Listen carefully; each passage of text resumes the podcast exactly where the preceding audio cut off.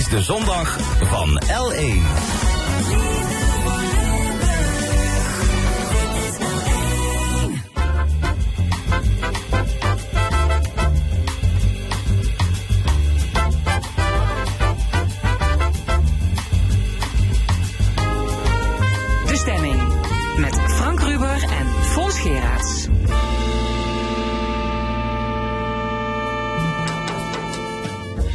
Goedemorgen, welkom bij De Stemming, het interview- en discussieprogramma van L1 Radio. Met vandaag alweer uitstel van de wet die gemeenten verplicht om asielopvang te regelen. Bedrijven mogen geen onderlinge afspraken maken, maar hoe is de praktijk? En onze economieanalist Bart Verspagen met een flitscollege over topsalarissen. Gezondheid is niet alleen iets fysieks, maar wordt ook bepaald door de leefomgeving. In het tweede uur wetenschapper Klasien Horsman met haar boek Gezonde Stad. Dan ook een column van Jos van Wersch en het panel discussieert over de vogelgriep en andere actuele zaken. Tot 1 uur is dit De Stemming.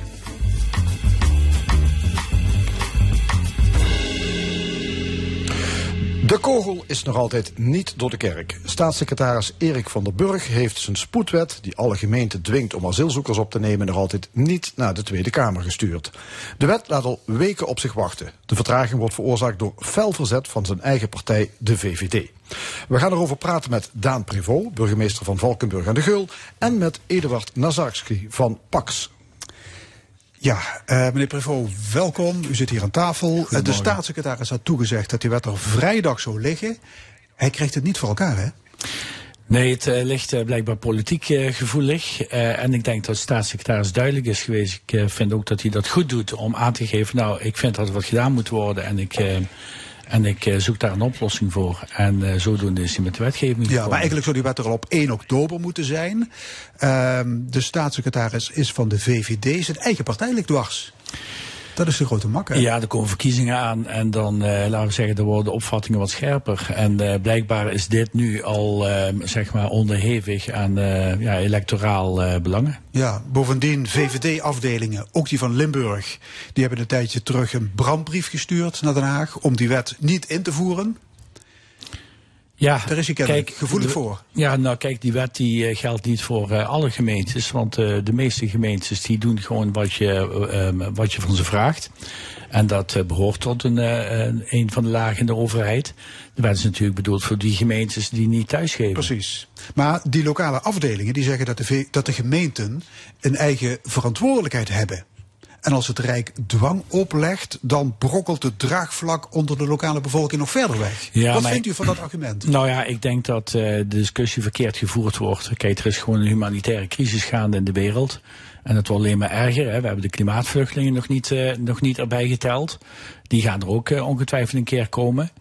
En ik denk dat je gewoon dit humanitair moet benaderen. Er zijn, het gaat om relatief kleine aantallen. Ook Nederland moet een bijdrage leveren. En dat, ja goed, dat doe je samen met gemeentes. Omdat die weten wat er speelt in de ja, gemeente. Oké, okay, maar een heleboel gemeenten willen niet meedoen. Want hun eigen burgers zitten er niet op te wachten. Zo simpel is het. Ja, goed, we zitten wel op meer niet te wachten. We zitten ook niet te wachten op ho hoge energieprijzen. En daar, daar kun je als burger ook wat van vinden. Maar daar ben je gewoon, ja, je bent wel overgeleverd aan de geopolitieke omstandigheden. En ik denk dat je dit uh, moet kijken, je moet dit bekijken vanuit een humanitair standpunt. Kijk, en nu hebben we een zogenaamde uh, vluchtelingencrisis. Um, maar het woord crisis is erop geplakt. Ik denk dat aantallen zijn die we al veel eerder in het land hebben gehad. Uh, 2015, toen was ik uh, gedeputeerde wonen- en volkshuisvesting, zat ik in het, de regietafel provinciaal. Toen moesten in één keer 25.000 uh, vluchtelingen worden opgevangen. Toen werden dit soort, dit soort discussies werden niet gevoerd. Iedereen leverde, we keken wat mogelijk was. En waarom nu wel? Ja, omdat we, we zijn nu uh, natuurlijk ruime tijd verder. En de, laten we zeggen, het politieke debat uh, polariseert. Er zijn veel meer politieke partijen. Er is enorme versnippering. En iedereen vindt altijd iets. En dan krijg je natuurlijk, dan is het heel gemakkelijk om argument te noemen van zij wel, wij niet. Ja. En die discussie vind ik dat bestuurders moeten uit die discussie blijven. Er wordt wat van je gevraagd als minister, als staatssecretaris, als burgemeester. En dan, uh, dan moet je gewoon leveren. Dan moet je leveren. Maar u gaf laatst een interview aan de Limburger. Samen met twee andere burgemeesters. En toen zei Jos Hessels van Echt Zusteren. Je ziet dat steeds meer collega-burgemeesters met smoesjes komen. Ja. Is dat ook uw waarneming? Ja, dat is ook mijn waarneming. En hij zet hem scherp neer. Ehm, kijk, als burgemeester in deze, we hebben gekozen voor een crisisstructuur. We zeggen de veiligheidsregio is aan zet. Die zijn nu verantwoordelijk voor de crisisnoodopvang. En daarmee is de burgemeester dus ook het eerste aanspreekpunt als zijnde, noem het maar, crisismanager.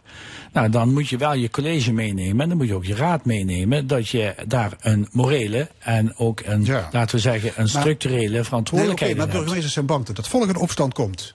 He, zie de gebeurtenissen in Tubbergen, waar een hotel werd aangewezen als AZC. Daar brak, daar brak de pleuris uit. Ja, maar dat heeft een hele andere, dat heeft een hele andere eh, voorgeschiedenis. Men is namelijk onder de radar, is men in onderhandeling gegaan eh, om een hotel te verwerven. En daarna komt men naar buiten en in dit hotel gaan we 100 eh, vluchtelingen of asielzoekers huisvesten.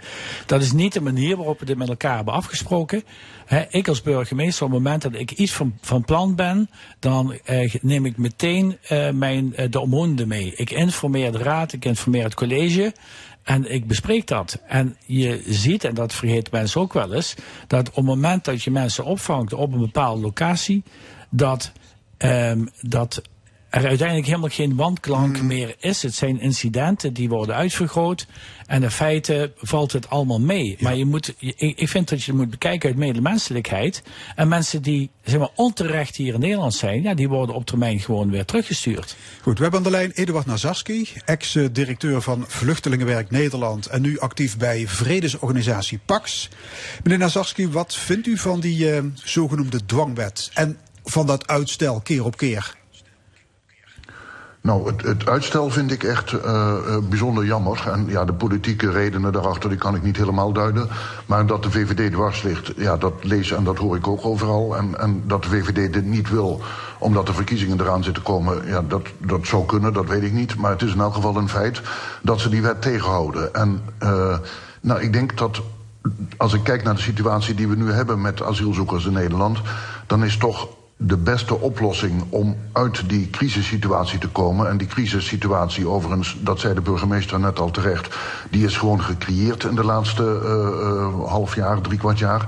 Maar om daaruit te komen is toch dat alle gemeenten een evenredig deel van asielzoekers gaan opnemen. En niet ja, dat een aantal zegt, nou ja, uiteraard doen we mee. En een aantal zegt, ja, dat komt hier toch niet zo heel goed uit op het moment. En, Ja. en, en we doen maar even liever niet. Dus u bent in iedereen grote lijnen, bent u, bent u het eens met die dwangwet of spreidingswet of hoe je het ook noemen wilt? U zegt iedere gemeente Ja, moet nou haar steentje bijdragen. En door die verplichting wordt de pijn ook gelijk verdeeld.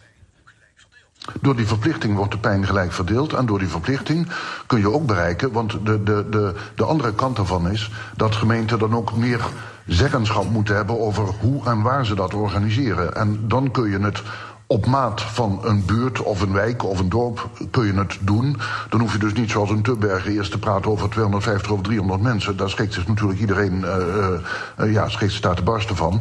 En als je, als je dan zou zeggen, nou hier komen er 25 of 30 of, of 40, ja, dan, dan ligt het heel anders. En wat u net zei, eh, meneer Gerards, over, over die, de bevolking die dit niet wil. Ik heb heel vaak gezien dat als de aankondiging er komt en mensen voelen zich overvallen, dat er dan heel fel verzet is. Maar als mensen er eenmaal zijn, ja, dan gaat het vaak eh, eh, ja, bijzonder goed. En dan zie je Ja, ook dat de burgemeester dat ook er net. contacten tussen de buurt en het centrum komen. Ja, en als je de noodopvang uitsmeerde voor alle gemeenten, dan krijg je automatisch kleinschalige opvangcentra. En daar bent u ook groot voorstander van, hè? Hou het klein. Nou ja, dat kleinschalig is veel beter voor de buurt, dat is veel beter voor de bewoners, eh, dat is beter te overzien. En als je het helemaal ideaal bekijkt, dan zou je ook vanuit die kleinschalige opvang, zou je ook moeten zorgen dat mensen die een verblijfsvergunning krijgen, dus erkend worden als vluchteling, dat die daarna ook in de regio een huis kunnen vinden en hun werk kunnen vinden. Want, statushouders. Ja, er is veel discussie over, over werk voor statushouders. Maar het is natuurlijk idioot als je, als je een, een drie, vier jaar, acht keer moet verhuizen. Ja, dan bouw je natuurlijk geen contact op in een nieuwe samenleving. Maar overal kleine eh, AZC's, daar krijg je meer contact tussen vluchtelingen en buurtbewoners. En dat moet leiden tot, ja, tot meer begrip. Nou ja, en tot betere integratiekansen. Ja. Absoluut. Burgemeester Ja, de- de- Prevost van de Valkenburg mee, mee eens? Ja, ik ben het helemaal mee eens. Met kleinschalige opvang kun je mensen veel beter eh, ook laten integreren. En kijk, ik vind sowieso al van de zotte. Kijk, we hebben op dit moment eh, vangen wij ongeveer 80, 90.000 Oekraïnse oorlogsvluchtelingen op. 40.000 eh, vluchtelingen zijn aan het werk. Um, Voorts zie ik uh, uitzendbureaus zie ik uh, op grote schaal uh, Filipijnse verpleegkundigen naar Nederland halen, omdat er een tekort is in de zorg. En we hebben 17.500 statushouders, dus mensen die gewoon hier een nieuw leven moeten opbouwen, die hebben vastzitten in de AZC's. Dat is ook arbeidskapitaal. En uh, ik vind het onbegrijpelijk dat die mensen niet versneld worden geïntegreerd en meteen ook uh, bij wijze van spreken aan de baan geholpen, want de behoefte is er wel degelijk. En op het moment dat je mensen perspectief biedt, ja, dan, uh, dan zie ik het probleem niet. Eduard Nazarski, het is al lange tijd ja, complete chaos met die opvang. He, in Ter Apel staan vluchtelingen in de regen te wachten of ze moeten buiten slapen. Hebben we die problemen niet over onszelf afgeroepen? Ja, dat is een beetje de vraag wie we is in dit geval. Het land, of in elk geval heeft de regering het gedaan. Dat bedoel uh, ik. Door al drie kwart jaar geleden uh, allerlei hele duidelijke signalen van jongens, dit gaat helemaal fout lopen, om daar gewoon helemaal niks mee te doen. En ook om, om ja, er is na de crisis, en de burgemeester had het er ook al over, de crisis uh, rond Syrische uh, vluchtelingen die in 2016 uh, met, met velen kwamen. Toen is er gezegd, we moeten toch naar een andere vorm van opvang. Dat heette dan heel officieel een flexibiliseringsagenda. Ja, en daar is gewoon echt geen barst mee gebeurd. Die, die, is nog steeds, die ligt ergens in een la of ergens onder een stapel dikke papieren. Maar toen waren er mooie plannen om te zorgen... nou, we moeten dat flexibeler kunnen oppakken. We moeten ook capaciteit behouden als we even minder nodig hebben. We moeten deskundig personeel houden. Nou, en wat er gebeurt is overal, ja, meteen als het maar even kon, uh, bezuinigen, centra sluiten, personeel weg. En als er dan een paar mensen meer komen, zit je met de gebakken peren. Ja, dus opvangcentra worden opgeschaald en daarna worden ze weer gesloten. En ja, met dat jojo-beleid, dat is, dat is vragen om problemen, burgemeester. Ja, het is allemaal tijdelijk. Je moet gewoon de structurele oplossingen toe. En ik denk op het moment dat elke gemeente in ja, Nederland... Het kost bakken wat geld, hè? Structurele ja, ja, goed, opvang. Maar, ja, ook als er niemand ja, maar je moet keuzes inzet. maken. Kijk, het hadden we natuurlijk in de coronatijd ook. Hè. We hadden ondercapaciteit, onderbezetting bij de, uh, bij de IC-afdelingen. Nou, ook dat is hetzelfde waar meneer Zaski naar wijst. Kijk, als je vanuit efficiency uh, voortdurend maar alles moet afknijpen, ja, dan kom je bij een, uh, laten we zeggen, een onvoorspelde gebeurtenis, kom je zwaar in de problemen. En dat is in dit geval zeker waar wat hij zegt. we zouden naar aanleiding van de Syrische crisis, zouden we het beleid aanpassen. Ja, tot op de dag van vandaag is er niets mee gebeurd. En nu zit je met gebakken peren en dan plak je daar het etiket uh, crisis op. En volgens heb je een COA, een rijksdienst die daar uh, voor aan de last staat. Ja, en dat zijn in mijn ogen prutsen die maar wat. Ja, Nazarski, dit is allemaal ja, misplaatste zuinigheid van de overheid? Nee, ik denk, nou, ik denk dat het veel erger is. Het is deels misplaatste zuinigheid. En ik heb heel stellig het idee, ook uit, uit Kamervragen die recent gesteld zijn, dat uh, men absoluut wil om, om uh, uh, het beleid nog een slag verder aan te scherpen. Om te zorgen dat er gewoon minder asielzoekers komen. Ik heb ook het idee dat men niet kijkt naar de humanitaire noodsituatie in vele delen van de wereld. En ja, dat de, de stelling dat Nederland daar gewoon een klein steentje aan moet bijdragen aan de oplossing daarvan. Dat men gewoon denkt, nou ja, we willen gewoon minder asielzoekers. Okay, dus, want men denkt, ook dat wil de bevolking. Voor een deel onwil. Het is voor een heel groot ja. politieke onwil. En... Want die, die situatie in Ter Apel, of ook dat gisteren of eergisteren... dat minderjarigen, uh, uh, of kinderen zijn altijd minderjarig... maar dat kinderen die alleen reizen, dat die beschimmeld brood krijgen. Dat zijn toch allemaal dingen, ja, dat zou toch allemaal helemaal niet nodig hoeven zijn... als je dat een beetje, beetje fatsoenlijk probeert te regelen. Ja, heeft u het gevoel dat een deel van de bevolking te weinig compassie heeft... met mensen die ja, op de vlucht zijn vanwege oorlog in een land? Nou, ik heb het, nou, of een deel van de bevolking, dat weet ik niet eens zeker. Deel van de politiek merk, ook? Ik, bedoel, ik, ik, zie natuurlijk, ik zie natuurlijk wel in Tubbergen en in, in Albergen... dat mensen dan denken, ja, hey, dit, dit moeten we hier niet hebben. Maar ik zie ook wel dat politici dat gevoel aanzwengelen. Zoals bijvoorbeeld, ja, ik woon in Utrecht... maar de, uh, er was een heleboel gedoe een, een dikke week geleden... over, over statushouders die massaal uh, hun baan zouden opzeggen als ze een huis kregen. Dat zijn er uiteindelijk drie. Maar de VVD-woordvoerder, die blijft gewoon zeggen... ja, die statushouders die moeten wel, uh, die moeten wel blijven werken. Die trekt dus zijn, oorspronkelijke kritiek en die blaast dat enorm op, zo'n incident. En het blijkt dus helemaal nergens over te gaan. Maar het, het, het gevolg voor het gevoel van mensen is wel van ja, ja, ja, waar roken is vuur. En, en die mensen die willen misschien niet echt. En zo wordt elk incident wordt enorm uitvergroot. En alle pogingen om het een beetje fatsoenlijk en, en permanent en structureel te regelen, die worden getorpedeerd. Ja, dan, dan, ja. dan hou je dus crisis na crisis en dan heeft de bevolking het gevoel dat er echt te veel mensen komen. Ja, Provo, reactie? Ja, kijk, het, is, uh, het zijn de mensen die het podium krijgen die van alles kunnen roepen. En in mijn beleving, in ieder geval in uh, mijn gemeente, daar omarmen de bewoners, omarmen de ontheemden, of nu Oekraïnse vluchtelingen zijn, of bijvoorbeeld de asielzoekers uit Ter Apel. Dat heeft uitstekend gewerkt. We hadden een grote groep vrijwilligers. Die hebben die 80 uh, asielzoekers twee weken lang bezig gehouden, meegenomen in het dagelijkse leven. Het heeft perfect gewerkt. Maar het zijn diegenen die het podium krijgen, die van alles kunnen roepen. Terwijl die samenleving eigenlijk helemaal niet gevraagd wordt.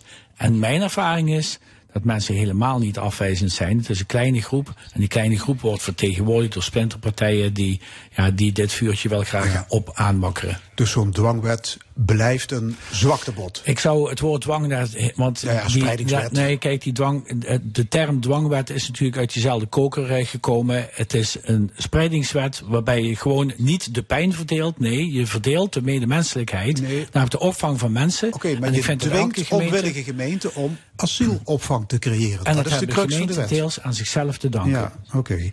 Uh, komt dat wetsvoorstel er überhaupt? Ja, het gaat er zeker komen.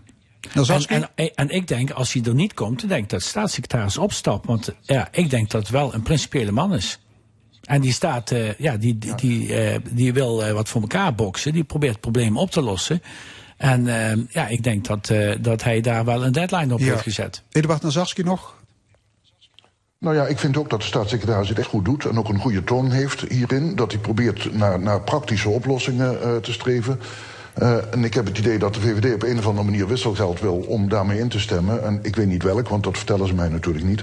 Maar ja, ik, ik, uh, ja, ik ben wel heel benieuwd waar het uiteindelijk op uitkomt. Maar een, een regeling of een wet waarin die spreiding over alle gemeenten uh, gewoon geregeld wordt, ja, dat is echt noodzakelijk. Oké, okay, hartelijk dank. Eduard Nazarski van Pax en ook Daan Privot, burgemeester van Valkenburg. Graag gedaan.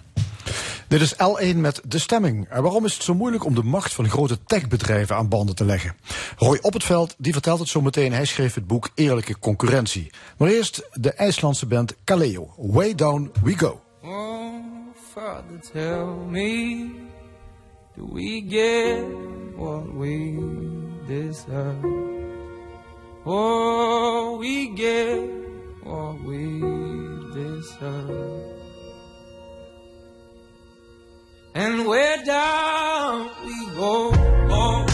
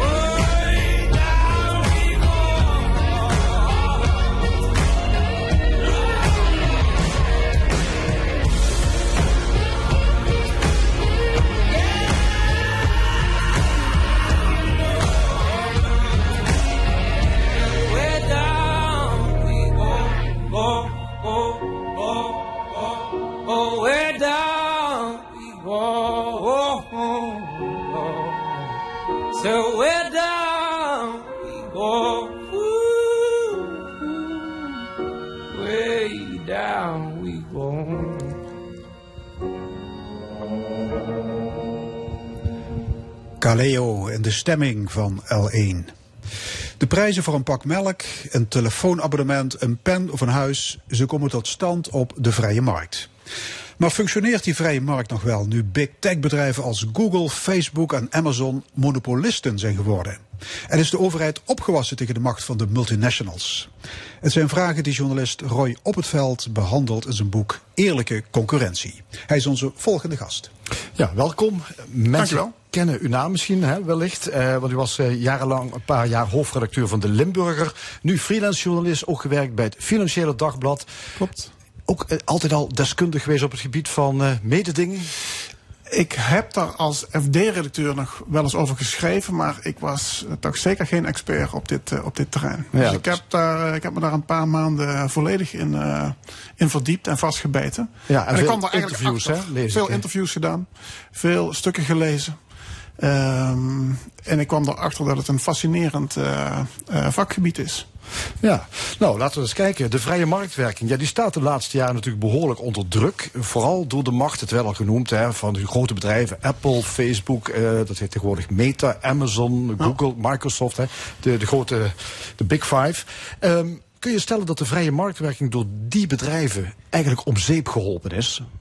Die wordt wel bedreigd, inderdaad, in ieder geval. En eh, misschien in Europa nog wel minder dan in de Verenigde Staten. Want in de Verenigde Staten heb je op het, op het platteland, in de, heb je echt regio's in het Midwest, zeg maar tussen de drukbevolkte kusten. In het dunbevolkte eh, flyover country, zoals ze dat noemen. Dat zijn echt gebieden die, waar, ja, waar een volledige kaalslag heeft plaatsgevonden. Omdat bijvoorbeeld Amazon daar heel erg dominant is. Er is geen winkel meer te vinden. Nee, nee, precies. precies. Oh, En mensen werken in een, in een, eh, in een distributiecentrum van Amazon. En verder is er eigenlijk niks meer in de omgeving eh, wat onder de grote boom van Amazon nog, eh, nog licht vangt. Dus dat is voor, voor mensen uiteindelijk ehm, ja, wel een probleem om, om werk te vinden of om ergens anders iets te winkelen. En daar zijn nooit alarmbellen afgegaan de afgelopen twee decennia. Nee, ja, het gaat nog wel ietsje verder terug. Ik denk een beetje sinds Reagan is, eh, is de norm in de Amerikaanse. eh, eh, ook de toezichthouder is heel ruimhartig in het toestaan van het, ehm, ja, zeg maar het economische machtsconcentraties. Hè. Het doen van fusies en overnames. Dat wordt eigenlijk altijd beoordeeld op de vraag: eh, is dit goed voor de consumentenprijzen van volgende maand, bij wijze van spreken. En als twee bedrijven fuseren, dan is het, het standaardverhaal van die, eh, van die eh, bovenbazen is dan: ja, wij gaan fuseren. Dat betekent dat we kosten kunnen besparen. Dat betekent dat we lagere prijzen kunnen geven aan de consument. En die consument vindt het prima, want die betaalt inderdaad ook lagere prijzen. Precies, ja. En dat is, Amazon heeft jarenlang, heeft, is heel gunstig geweest voor met name Amerikaanse consumenten. Omdat die zo'n beetje op de kostprijs ook eh, hun producten verkochten. Heel veel producten. hè. Amazon verkoopt zo'n beetje alles. We hebben daar nooit winst mee gemaakt, maar dat was een investering om te kunnen groeien. We hebben eigenlijk alle concurrentie daardoor kapot gemaakt Om de markt te kunnen beheersen dus. om de markt te Ja. kunnen domineren. En nu zie je ook dat ze prijzen aan het verhogen zijn, omdat ja, er is bijna geen concurrentie meer. Nee. Dus nu kunnen ze, kan, kan, de, ka- kan de kassa gaan draaien bij, Ja. eh, in Seattle. En daar, was, en daar was concurrentie juist voor bedoeld natuurlijk. Hè, dat die prijzen dan niet Ja. eh, door één partij kan worden omhoog gekrikt. Eh, ja, de, de consumenten profiteren dus aanvankelijk van die lage prijzen. Maar van de andere kant, werknemers, eh, die worden al jaren uitgekleed door dit soort bedrijven als Amazon. Dus daar is ook niet echt een waarschuwing uitgekomen. Nee, dat klopt. En zeg maar, zeker dat is nu zeg maar, ook nog de Repu- republikeinse eh, visie op de zaak is nog steeds. Dit is goed voor de grote bedrijven, dus goed voor de economie, dus dat doen we. Eh, maar je ziet inderdaad de impact niet, eh, zeg maar de lange termijn impact voor consumenten is negatief. De impact op de arbeidsmarkt is, eh, is negatief. Hè. En dat zie je ook veel breder hè, met de Uber-chauffeurs die via platformen tegen elkaar worden uitgespeeld. Hè, om maar de goedkoopste rit te kunnen, te kunnen maken. Dus het speelt op heel veel fronten. Nou, u schrijft zelfs, het gaat nog veel verder, nog veel hoger in de, zal maar in de boom. Want de positie van de Googles en de Amazons, die bedreigt zelfs onze democratie uiteindelijk. Ja. Ja, Leg het uit. Nou, eh, als ik daar een historische parallel mag eh, trekken. Want ehm, Amerika is een pionier als het gaat eigenlijk om kartelpolitiek om dit soort situaties eigenlijk aan te pakken.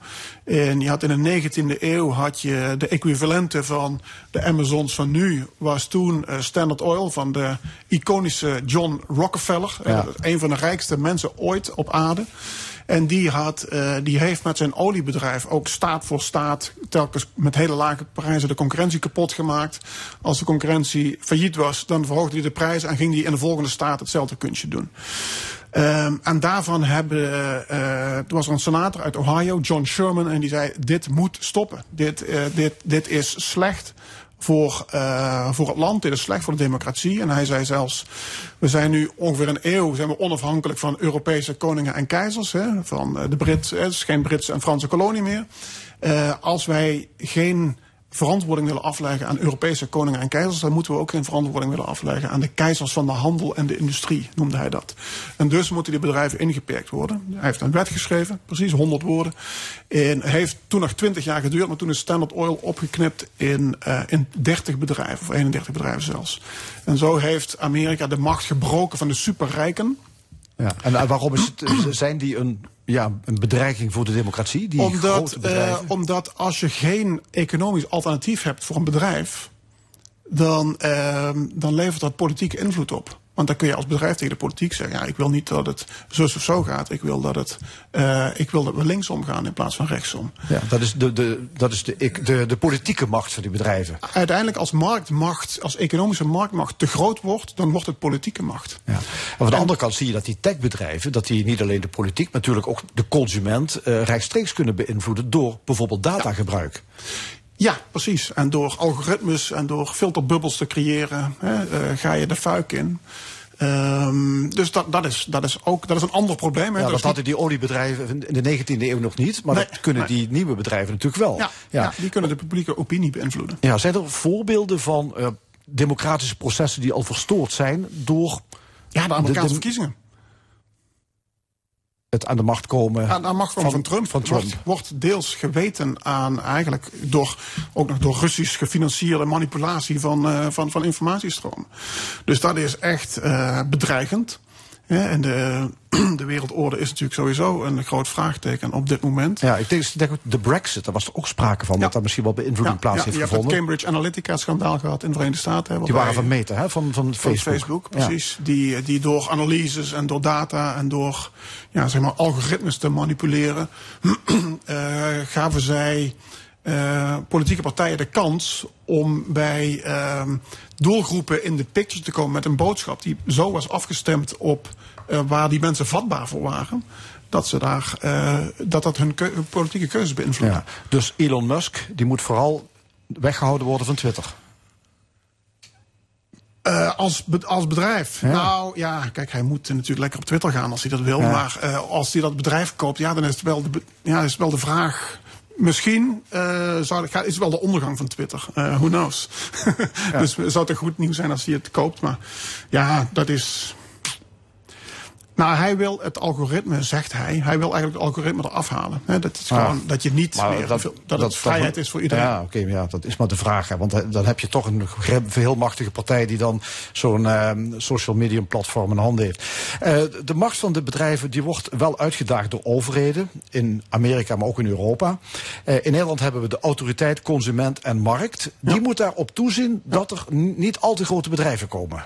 Dat, dat is een taak van die, consument, van ja. die autoriteit. Ja, het gaat niet zozeer om hoe groot ze zijn, maar meer om zijn ze in staat om zeg maar, de markt te domineren of te manipuleren. Ja. Ten koste van de consument of van uiteindelijk de democratie. Ja, lukt dat? Want het is natuurlijk een internationale markt. Als je dat bijvoorbeeld als Nederlandse autoriteit moet doen, zijn daar successen geboekt tegen. Zeker. Ja? Nou, Nederland had vroeger een hele slechte reputatie. Hè? Uh, Nederland was het kartelparadijs van Europa tot in de jaren negentig.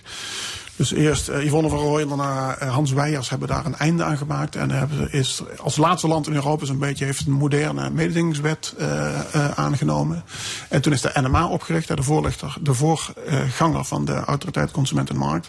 En eigenlijk is Nederland in die 25 jaar dat dat nu geleden is, is wel van achterblijver naar relatieve voorloper uh, gegroeid. Ja. En je ziet, de ACM voert rechtszaken tegen Apple voor, om gelijke toegang voor hè, op, op, eh, voor apps. Hè. Dus Ja, je hebt de App Store, hè, die Ja. staat op jouw telefoon. Als je een eh, Apple-telefoon hebt, een iPhone. En via die App Store moet jij nieuwe apps downloaden. Eh. En daar was iets mee aan de hand. Ja, dus Apple controleert wie, wie, wie mag er in de App Store. Hè, dus daar hebben ze al een soort poortwachtersfunctie. Die, ja, die, dat is dus niet open. Eh zij romen 30% van de omzet af. Hè. Dus als je iets verkoopt via die App Store, dan zegt Apple: doe mij maar 30%. Dat is natuurlijk, eh, dat is natuurlijk, ja, dat is natuurlijk heel vreemd. Of een extreem hoog bedrag. En, eh, en Apple bepaalt dat als je eh, in de App Store iets koopt. dan, eh, dan moet het via het betaalsysteem van Apple. En daar ging die rechtszaak over. Dus gewoon een soort proefproces. Dat de ACM heeft gezegd. Wij, wij pikken er even één sector uit. Dit ging dan om dating apps. En die dating apps die wilden andere betaalsystemen kunnen gebruiken in de App Store. En Apple zei, eh, dat gaat niet door, want dat tast ons verdienmodel aan. Ehm, en de ACM heeft ze eigenlijk eh probeert ze te dwingen om dat wel te doen. Nou, dat ging met boetes en zo. Ze moesten 50 miljoen euro betalen. Nou, eh, daar lachen ze om eh, bij Apple. Maar voor Nederlandse begrippen was dat een hele hoge boete. Ehm, En wat is het einde van het verhaal? nou ja, dat einde dat is er nog niet. Maar ehm, ehm, de rechter heeft wel, want er is natuurlijk, zijn rechtszaken gevoerd. Hè, dus toezichthouder heeft boetes opgelegd. Apple ging daartegen in beroep. Dan, gaat, dan komt het bij de rechter. En die hebben Apple, of die hebben, die hebben die ACM wel gelijk gegeven. Ja. Is er, is er ook iets positiefs eh, aan een sterke positie van die bedrijven als Facebook en dergelijke? Want ik hoor nu eh, het het is vooral negatief natuurlijk door die te grote macht. Is er ook iets positiefs over te zeggen? Nou, ze zijn, kijk, eh, dat zijn wel, en daarom zijn ze ook zo groot zoals ze zijn. Het zijn hele vernieuwende bedrijven geweest natuurlijk. Zonder Apple hadden we geen iPhone gehad en, en was Samsung ook niet met zijn Android-telefoons gekomen. Dus ze hebben, eh, Facebook heeft wel echt, eh, ik denk mensen verenigd. Of ja, kijk, ik ben een Limburger, maar ik woon eh, eh, eh, het grootste deel van mijn leven in de Randstad. Ik, Facebook heeft mij geholpen om wel een beetje te volgen wat mijn oude vriendengroep van de middelbare school Ja. zo'n beetje uitspookt. Dus dat zijn allemaal verworvenheden wel die Big Tech ons heeft geleverd. Maar nu ze zo groot zijn, dan gaat het innovatieve er een beetje af. En dan gaan ze gewoon eh, eh, de status quo en het geld wat ze hebben verdedigen. Dus dan worden het defensieve in plaats van innovatieve bedrijven. Ja. Zegt die autoriteit Consument en Markt, die heeft grote invloed, of die heeft grote macht, hè? Die, die, die mag veel. Ja. Eh, dat betekent ook gewoon echt bedrijven binnenvallen als ze Ja. denken dat er iets Ja. aan de hand is. Ja, klopt. Hoe, hoe gaat dat? Echt Ja, dan, aanbellen en... Ja, ik heb iemand geïnterviewd inderdaad die, die er regelmatig aan meedoet aan dat soort eh, raids. Ja, dan, eh, dan gaan ze met huurauto's naar een bedrijf. Hè, want ze willen niet dat met eigen auto's, dat ze met kentekens herkenbaar zijn. Of dat, eh, dat iemand met een fakkel voor de deur staat s avonds. Dus dan gaan ze met huurauto's naar zo'n bedrijf en dan bellen ze aan. En dan eh, zeggen ze gewoon, we willen, we willen nu iemand van de directie spreken. En dan, dan gaan ze, dus net als de politie een, een, inval doet, dan trekken ze alle computers leeg. En dan gaat er ook een instructie uit. De directeur moet dan ook een instructie laten uitgaan intern. Je mag vanaf nu, er mag niets meer gewist worden. Ehm, ja. en, en gebeurt dit vaak in Nederland? eh, dat gebeurt wel regelmatig, ja. Kijk, het zijn niet altijd zaken die op de voorpagina van de krant terechtkomen. Want dat gaat dan over de Apple-zaak. In het verleden hebben we natuurlijk de bouwfraude gehad in Nederland. Eh, fusies eh, van de RAI en, eh, en de jaarbeurs vroeger. Dat waren grote zaken.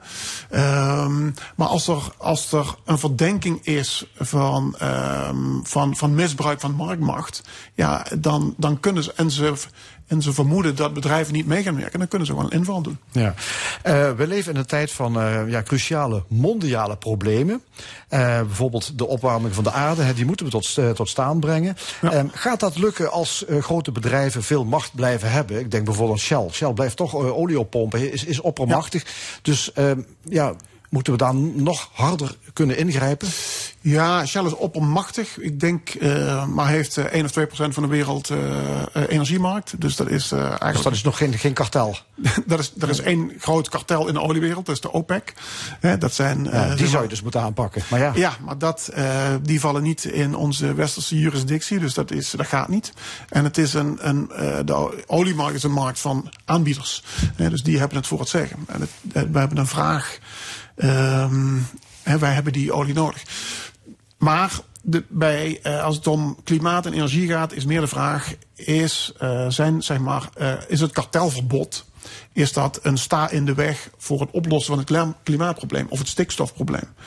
Ehm, want kijk, je zou kunnen zeggen, als boeren, voedingsmiddelenbedrijven en supermarkten de handen ineen slaan, dan kunnen we misschien wel het stikstofprobleem oplossen. Dus misschien zou je daar wel juist minder streng moeten zijn en zeggen van, Ja. doen we, maken wel afspraken Ja, onderling. Precies, precies. En er zijn uitzonderingen op het kartelverbod. En er is een hele eh, academische discussie gaande over hoe, hoe, hè, hoe breed mag je dat, eh, die uitzonderingen eigenlijk interpreteren. En Martijn Snoep, hè, dus zeg maar de bestuursvoorzitter van de ACM, die zegt dat moet je ruim interpreteren. Eh, boeren mogen met, eh, met, eh, met wie dan ook afspraken maken. Als dat leidt tot extensie. Hè, dus dus Ja. tot minder grote veestapel. Maar dan in ruil voor hogere prijzen kunnen ze dan met, met supermarkten afspraken maken over een oplossing die. over, over een manier om het stikstofprobleem op te lossen. Ja. Daar hebben we misschien wel juist eh, behoefte aan om die grote problemen op te lossen in de toekomst. Ja. Min- minder, of minder regels, althans soepelere regels.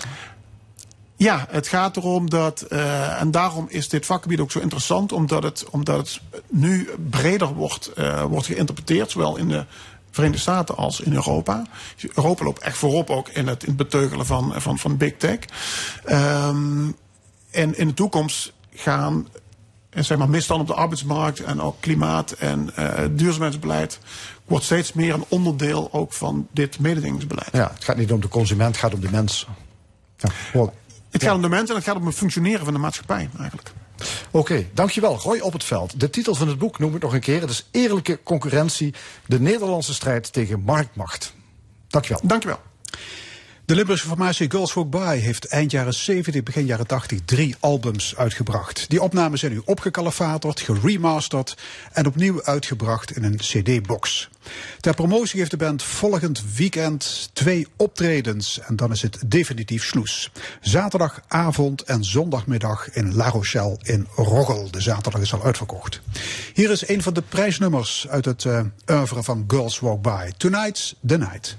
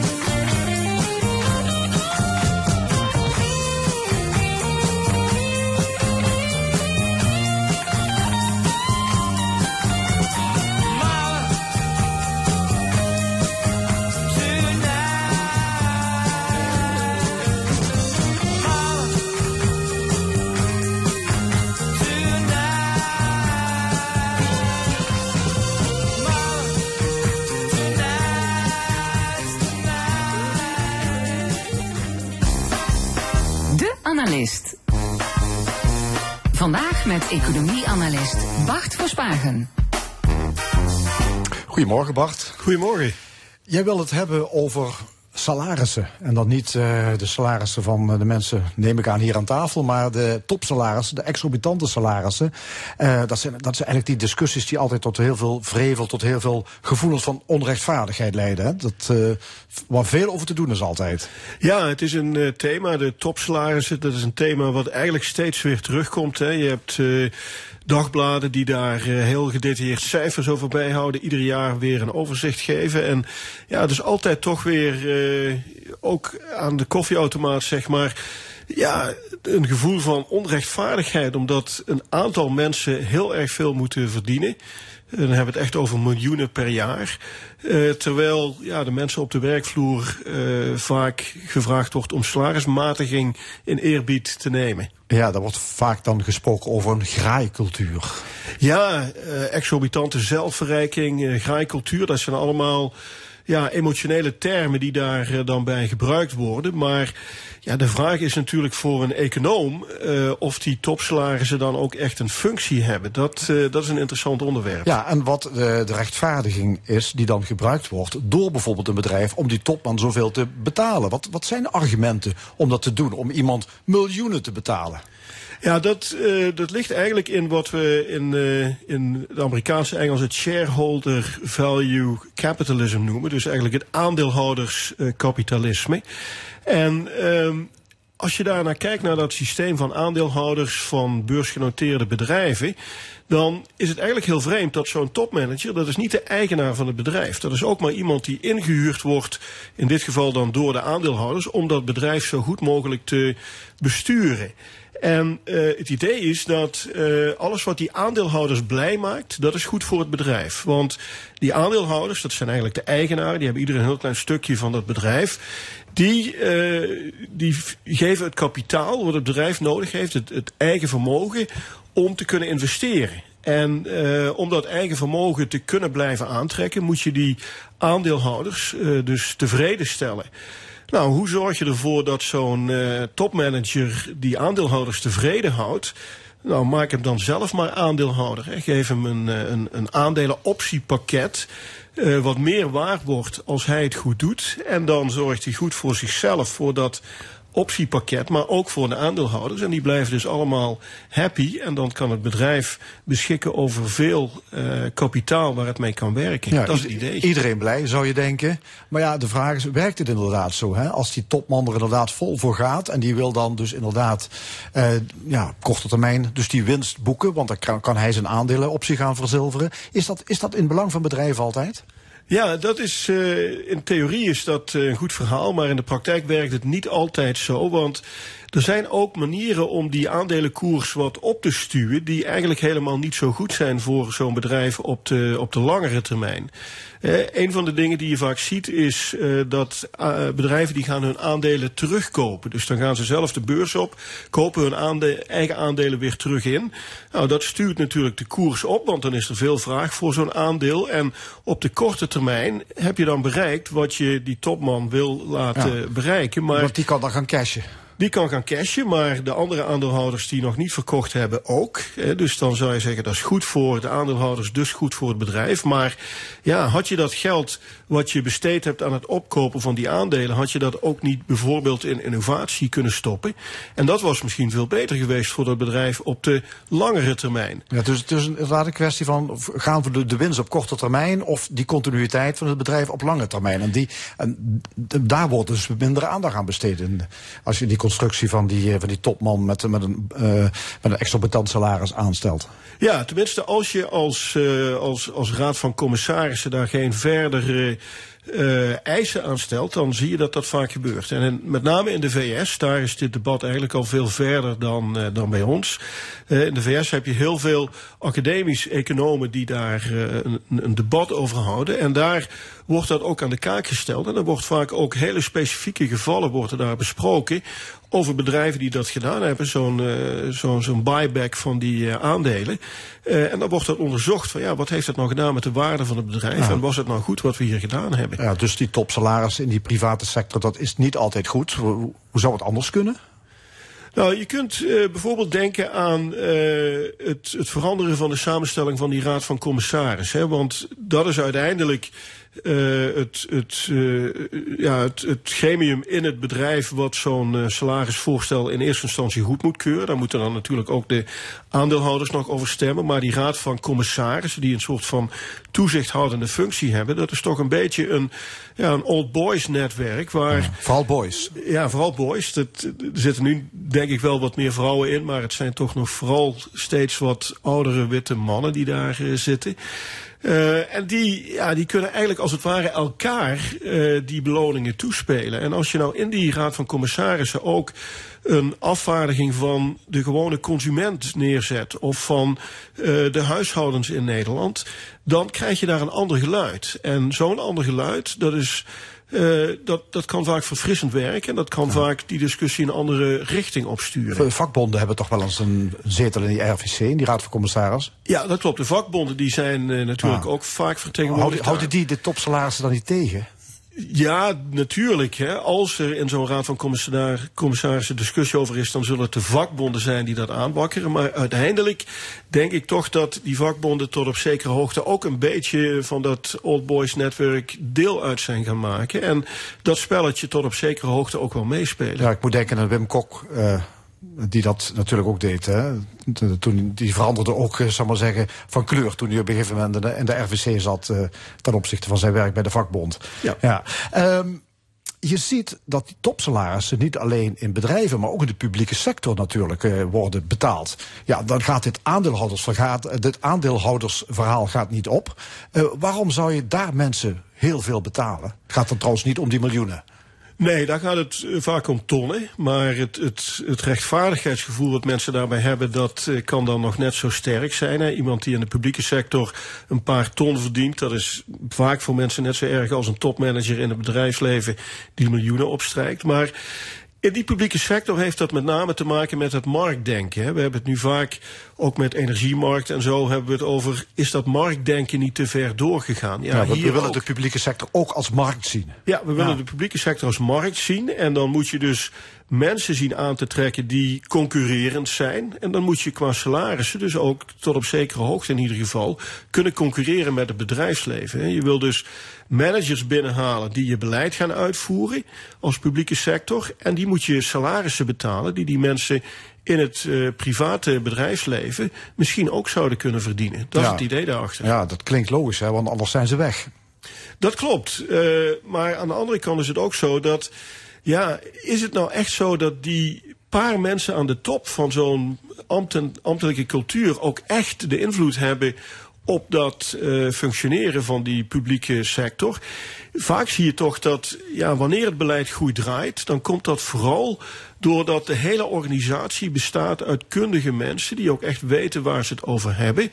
Eh, en dat gaat dus niet alleen over die paar mensen aan de top die een topsalaris verdienen, maar dat gaat over de brede basis, de onderkant van de salarispyramide, waar eh, je ook kundige mensen moet hebben en die zul je ook goed moeten betalen. Ja, dus dus eigenlijk onzin om ook te denken dat het alleen maar die topman of topvrouw is die de organisatie goed laat draaien. Ja, daar is in ieder geval heel weinig eh, bewijs voor. En vaak zie je zelfs dat wanneer je zo iemand aantrekt, dan gaat dat ook vaak gepaard met een schandaal dat het eigenlijk helemaal niet, niet werkt. We zien daarbij woningbouwcorporaties vaak eh, voorbeelden van. Dan heb je iemand met een topsalaris, maar het functioneert eigenlijk helemaal niet goed. Het gaat op allerlei manieren mis. Nee, maar we hebben om uitwassen te voorkomen in die publieke sector natuurlijk de balken en de norm. Hè. Dat betekent dat je maar 130% geloof ik mag verdienen van het salaris van de minister-president. Ja, dat klopt. En dat is eigenlijk ook een voorbeeld van eh, best een goede maatregel. Want je zag ook toen die maatregel werd ingevoerd, ik weet niet precies wanneer het was, maar ik denk een jaar of 15, 20 geleden, dat toen plotseling eh, er ook wel die uitwassen een heel stuk minder werden. En toen, toen zag je je, dat. eh, je- je zegt al minder, het is niet verdwenen. Het is niet verdwenen, want ja, zoals bij veel van dat soort wetgeving zijn er ook mazen in die wet. Hè. Dus dan zijn er weer bepaalde functies of bepaalde situaties waarin die balken en de norm dan weer niet geldt. Of er zijn bepaalde gedeeltes van je inkomen waarvoor het niet zou gelden, pensioenvoorzieningen en dat soort zaken. Dus helemaal heeft het het niet opgelost, maar het is zeker een stuk eh, in de goede richting gegaan met die publieke topsalarissen. Ja, maar in elk geval de vraag is of je echt topsalarissen, zo exorbitante salarissen moet betalen. Daar is best wel wat op af te dingen, zowel in de publieke als in de private sector. Eh, dus die discussie die zal ongetwijfeld de komende jaren wel gevoerd gaan worden. Ik hoop dat we die discussie blijven voeren, maar ik, hoop ook dat we er maatregelen voor gaan nemen om er echt iets aan te doen. Dankjewel, Bart Verspagen, onze economie-analyst.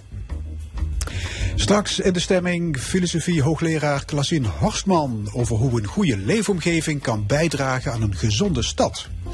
Verder de column, het discussiepanel over het oogspringende actualiteiten en nog veel meer. Blijf luisteren tot zometeen na nieuws en reclame van 12 uur. Je kunt zoveel meer uit je leven halen nu. Dat is ook wel schrikbarend soms. Nu ben ik er en nu durf ik te zeggen dat ik er ben. Nederlandse Obesitaskliniek. Schrijf je in voor de gratis voorlichting. Op zoek naar de perfecte badkamer? En volop keuze? En de mooiste merken? En uitsluitend de beste materialen? En vanzelfsprekend de beste installateurs? Kom naar Bad Body. Maak een afspraak op badandbody.nl en het genieten kan beginnen. Dat is de N van Bad Body. Ga naar Berens, Keukens, Badkamers en Tegels in Roggel. Vida XL. Trendy meubels voor ontzettend lage prijzen. En gratis thuisbezorgd. Vida XL. Vida XL.nl. Groots leven voor weinig. Overgates. Kom naar het Oktoberfeest Sittard. 21 tot en met 26 oktober. Het grootste najaarsfeest van het zuiden. Met vier feestpaviljoens, een prachtige almhütte, een oktoberkermis en nog veel meer. Tickets oktoberfeestsittard.nl Met de gratis Praxis Plus app krijg je eindeloos veel voordeel. Zoals deze week 15% korting op een artikel naar keuze. Dus download gratis Praxis Plus en begin met voordeel aan je klus. Check de voorwaarden op praxis.nl. Voor de makers. Praxis.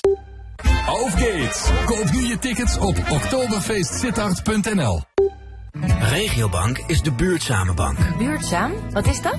Nou, onze service is bijvoorbeeld buurtzaam. Naast alle digitale mogelijkheden die je van een bank mag verwachten, kun je er ook gewoon even binnenlopen.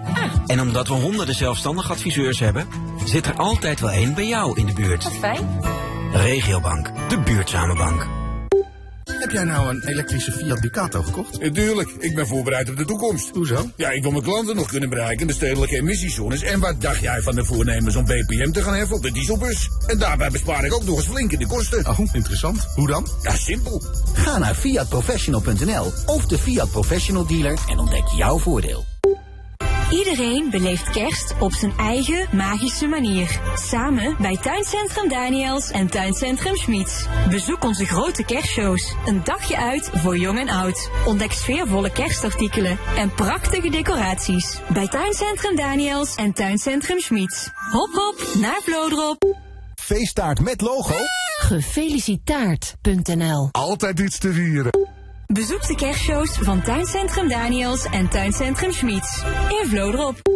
Hermetico, de kozijnen webshop uit Limburg. Bestel eenvoudig kunststof kozijnen, scherpe prijzen en snelle levering. Daarom hermeticoonline.com. Dit is L1 met het nieuws van 12 uur. Gert Kluk met het NOS-journaal. De voormalige Britse minister van Financiën Sunak heeft zich officieel kandidaat gesteld voor de opvolging van de opgestapte Liz Truss. Deze week kiezen de conservatieven een nieuwe partijleider die meteen ook premier wordt. Sunak lijkt op dit moment de beste papieren te hebben. Mogelijk stelt ook oud-premier Johnson zich kandidaat. Een paar maanden geleden ruimde hij onder druk van zijn partij het veld na een reeks schandalen. Een man uit Breda is gisteren overleden nadat hij uit een rijdende bestelbus was gevallen. Zijn vriendin zat ook in de bus. Zij is aangehouden omdat de politie nog onderzoekt wat er precies is gebeurd. De man werd naast de stilstaande bestelbus gevonden op een weg in Rijsbergen en overleed later in het ziekenhuis. De politie zoekt nog getuigen en dashcambeelden waarop de witte Mercedesbus is te zien. In China heeft president Xi zijn greep op de macht verder verstevigd. Op het partijcongres van de Communistische Partij werd hij herkozen als partijvoorzitter. Xi had de regels aangepast zodat hij een derde termijn kon krijgen. In de nieuwe leiding zitten allemaal aanhangers van hem. Xi zei dat China niet zonder de wereld kan en de wereld niet zonder China. Rusland heeft vannacht weer luchtaanvallen uitgevoerd in Oekraïne, meldt president Zelensky. Doelwit waren opnieuw energievoorzieningen. Zelensky heeft de inwoners opnieuw gevraagd zuinig te zijn met elektriciteit. Hij zei verder dat de luchtafweer steeds beter werkt tegen inkomende raketten, mede dankzij de westerse militaire steun. De Jan Wolkersprijs voor het beste natuurboek van Nederland is toegekend aan Thijs Goldschmidt voor Wolven op het Ruiterpad, een essaybundel over mensen en andere roedeldieren. Volgens de jury beschrijft Goldschmidt vlot, erudiet en met humor de natuur van nu en de plaats van de mens daarin. Bij de prijs hoort een geldbedrag van 5000 euro en een originele tekening van de winnaar gemaakt door Siegfried Woltek. Het weer. Vanmiddag een paar buien. Het wordt 16 tot 20 graden. Ook vanavond hier en daar een bui met kans op hagel, onweer en zware windstoten. Morgen wisselvallig en soms een stevige bui. Dit was het NOS Journaal. Subaru Eusen. Voor vakkundig onderhoud aan uw Subaru en andere merken. Ook voor nieuwe en jong gebruikte auto's bent u bij Subaru Eusen in Ransdaal aan het juiste adres. U bent van harte welkom voor een proefrit. Kijk op eusen.nl. Bouwmaterialen, natuursteen, tegels, bestratingen en keukens. Zo compleet is Jan Oprij voor de professional en de particulier. Van fundament tot en met designkeuken. Bouw en verbouw met de specialisten van Jan Oprij. In Margraten, Nut en Maastricht. Een speciaal keukenblad voor Ton en Annelies. Een speciale stoomoven voor mevrouw van Veen. Een speciale kokend waterkraan voor Peter en Frank. Een speciale indeling voor de familie Davidson. Bij uw keukenspeciaalzaak is iedere klant en iedere keuken speciaal. Uw keukenspeciaalzaak. Speciaal voor u. Bouw en verbouw met de specialisten van Jan Oprij. Nu ook aan de Borgharenweg in Maastricht. Ga naar Keukenstudio Carmen in Schimmert. En we maken speciaal tijd voor u vrij. Ik voel me goed, maar soms, die lange trap. Ik wist wat ik wilde. Een traplift die opgaat in ons interieur. Ik zocht een autolift. Autolift, de meest gekochte traplift van Nederland. Ga naar otolift.nl. Profiteer dit jaar nog bij Beter Horen van een vergoeding die kan oplopen tot 100%. Maak nu een afspraak op beterhoren.nl en profiteer dit jaar nog. Alleen van toepassing op hoortoestellen uit het verzekerde assortiment. Afhankelijk van uw aanvullende verzekering en eigen risico. De herfstsale bij Zalando is begonnen. Met kortingen tot wel 50%. Is het niet heerlijk om buiten te zijn? Helemaal in een nieuwe jas. Wie zei dat je niet kunt wandelen in stijl? Bespaar nu tot wel 50% op je nieuwe najaarslook in de herfstsale bij Zalando. Maasmechelen Village. Een slimme keuze. Ontdek er nu de najaarscollecties met uitzonderlijke prijzen in meer dan 100 boutiques. Kijk op maasmechelenvillage.com. Beleef Afrika in Gaia Zoo. Zo dicht bij 400 flamingo's kom je nooit. Reserveer nu je tickets voor Gaia Zoo in Zuid-Limburg via gaiazoo.nl. Dit is de zondag van L1.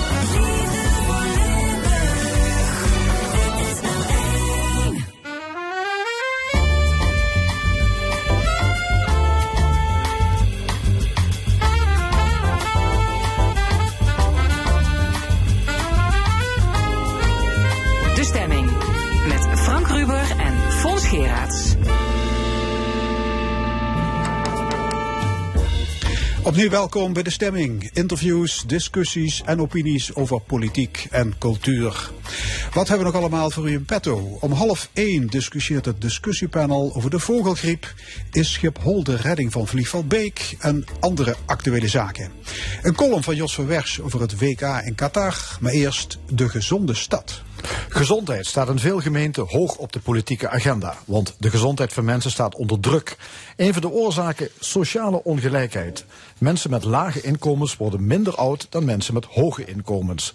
En dat komt niet alleen door een verkeerde leefstijl, ook de leefomgeving is van grote invloed. Daarover gaat een zo pas verschenen boek Gezonde Stad. Een van de auteurs is hier, Klazien Horstman, hoogleraar filosofie van de publieke gezondheidszorg. En ook aanwezig bewoner Berto Ausums. Welkom allebei. Uh, mevrouw Horstman, dat verschil in gezonde levensjaren hè, tussen uh, lage en hoge inkomensgroepen, hoe groot is het eigenlijk? Uh, de cijfers schommelen een beetje zo door de jaren heen. Maar grosso modo zou je kunnen zeggen dat de mensen met de hoogste en de laagste inkomens. Het wordt ook vaak gezien in termen van opleiding. Uh, dat de mensen met veel opleiding en hoge inkomens uh, zes tot zeven jaar langer leven dan mensen met weinig inkomen en lager op een, een minder opleiding. Uh, en de mensen met veel inkomen en veel opleiding, die leven ook door de bank genomen, zeg 15, 16 jaar langer in een gezonde toestand. Hmm. Dus die okay, kunnen, dat is ze leven langer verschil. en ze kunnen ook veel langer genieten van hun leven. Ja, in sociaal zwakkere buurten is uh, de leefstijl ook gezond. Hè? Vet eten, roken, te veel alcohol, te weinig bewegen. En toen hebben de beleidsmakers daar een batterij lifestyle coaches op losgelaten. Uh, ja, het is eigenlijk door, er wordt al 30 jaar onderzoek gedaan naar uh, sociale ongelijkheid qua gezondheid. En al dat onderzoek, uh, dat constateert al 30, 40 jaar dat er ongelijkheid is. Maar het wordt altijd aangepakt door te wijzen op de individuele keuze van mensen, de individuele verantwoordelijkheid. Je moet individueel zorgen dat je gezond bent. Uh, en dat leidt dus tot een enorme individualisering van gezondheid. En dat maakt dat mensen zich allemaal individueel schuldig gaan voelen over wat ze allemaal verkeerd doen. We hebben dus gewoon 30 jaar lang mensen verteld dat ze continu verkeerde keuzes maken. En als je dat heel erg lang tegen je gezegd wordt, dan word je daar ook niet gezonder van. Nee, leefstijlinterventie heet dat officieel. Ja, dat woord alleen ja. al, interventie, daar krijgt u de, daar krijgt u de kriebels van. Ja, tegen mijn studenten zeg ik altijd dat ze dat niet mogen gebruiken, want dan krijgen ze een 1. Uh, een interventie is een vijandige overname. Het is een militaire metafoor. En het is heel erg gek dat je dat gebruikt in, termen, in, in een, een veld als gezondheidszorg, wat eigenlijk zorgzaam en vriendelijk, stimulerend, uh, nou, et cetera zou moeten zijn. Is op die manier te veel in stigma geplakt op die mensen? Ja, dus er is, er is heel erg veel top-down van bovenaf, als het ware, tegen mensen vertelt wat ze fout doen en hoe ze het beter moeten doen. Dat is ook heel vaak gebeurd op hele kleine onderdeeltjes. Dus dan heb je een interventie voor roken en voor eten en voor slapen en voor dit en voor dat. En het hele totaalpakket, daar, dat, het zicht op dat totaalpakket, dat is daarmee verdwenen als het ware. Ja, en zijn die mensen daadwerkelijk bereikt? Door onze Nee. gezondheidsexperts? Heeft, heeft dat wat opgeleverd? Nou, hier, hier en daar natuurlijk best wel, maar het grote probleem van de preventieve gezondheidszorg is eigenlijk altijd het probleem van we, we hebben zoveel kennis, maar we bereiken de mensen niet. Dus het is heel erg belangrijk om erover na te denken van ja, mis- misschien doen we zelf iets fout. Misschien moeten we het anders aanpakken. Dat ligt niet zeggen dat wij mensen niet bereiken. Bijvoorbeeld ook mensen in, uh, uh, in, in fabrieken uh, waar- heel veel aan, aan gezondheidsbevordering op de werkvloer gebeurt, zie je dat het amper aanslaat. En dan denk je, ja, dan kan je door blijven gaan. Of je kan tegen mensen zeggen, het is jullie schuld dat jullie onze adviezen niet overnemen. Maar misschien doet de preventieve gezondheidszorg iets niet helemaal goed. En u zegt gezondheid is meer dan leefstijl. Hè, van grote Ja. invloed is ook de, de leefomgeving, de publieke ruimte, eigenlijk gewoon de, de buurt waar je woont. Ja, en dat heeft vooral te maken met het feit dat, uh, en dat blijkt ook heel, uit heel veel onderzoek, dat uh, gezondheid heel erg nauw gerelateerd is aan sociale relaties. Uh, dat geldt eigenlijk zowel voor de manier waarop mensen een infectieziekte doormaken, als de manier waarop mensen met reuma, hart- en vaatziekten. Eigenlijk alles is op een bepaalde manier bemiddeld door de sociale context waarin mensen leven, en de sociale relaties en de sociale netwerken. En met sociale relaties bedoelt u je gezin, buren. Ja, eh, de is socia er je sociale netwerk in de bredere zin, zeg maar. En ik denk dat dat eigenlijk een manier is waarop je eigenlijk ook veel beter eh, kan nadenken over hoe je mensen gezonder zou kunnen maken. Ja, ook aan tafel eh, Berto Ausums. U bent bewoner van Maastricht, van Maastricht Noordwest. Bent u het daarmee eens? Is het sociale netwerk belangrijk over de Eh, gezondheid? Ja, kijk, dat, eh, we zijn in eh, 2015, zijn mevrouw en ik gestart om eh, eens te kijken hoe, is dat, hoe loopt dat in de buurt. We zijn eh, naar het buurtcentrum geweest, we hebben geïnformeerd van wat is gaande. Ehm, het buurtnetwerk was net in oprichting. Maar eh, heeft uiteindelijk het niet gehaald. Het is er want, nog want er waren niet. weinig contacten in uw buurt. Dat waren- sociale weefsel, zoals, het zoals heet, dat was er nauwelijks. Precies. Zoals bekend zijn eh, vooral eh, de vereniging, het verenigingsleven in die wijken is enorm afgenomen. En dat is een van de grote oorzaken, zegt men, individualisering. Mensen sluiten zich op in hun eigen bubbel. En net die bubbelisering eh, maakt dat eh, mensen gewoon niet meer geïnteresseerd zijn in hun directe omgeving.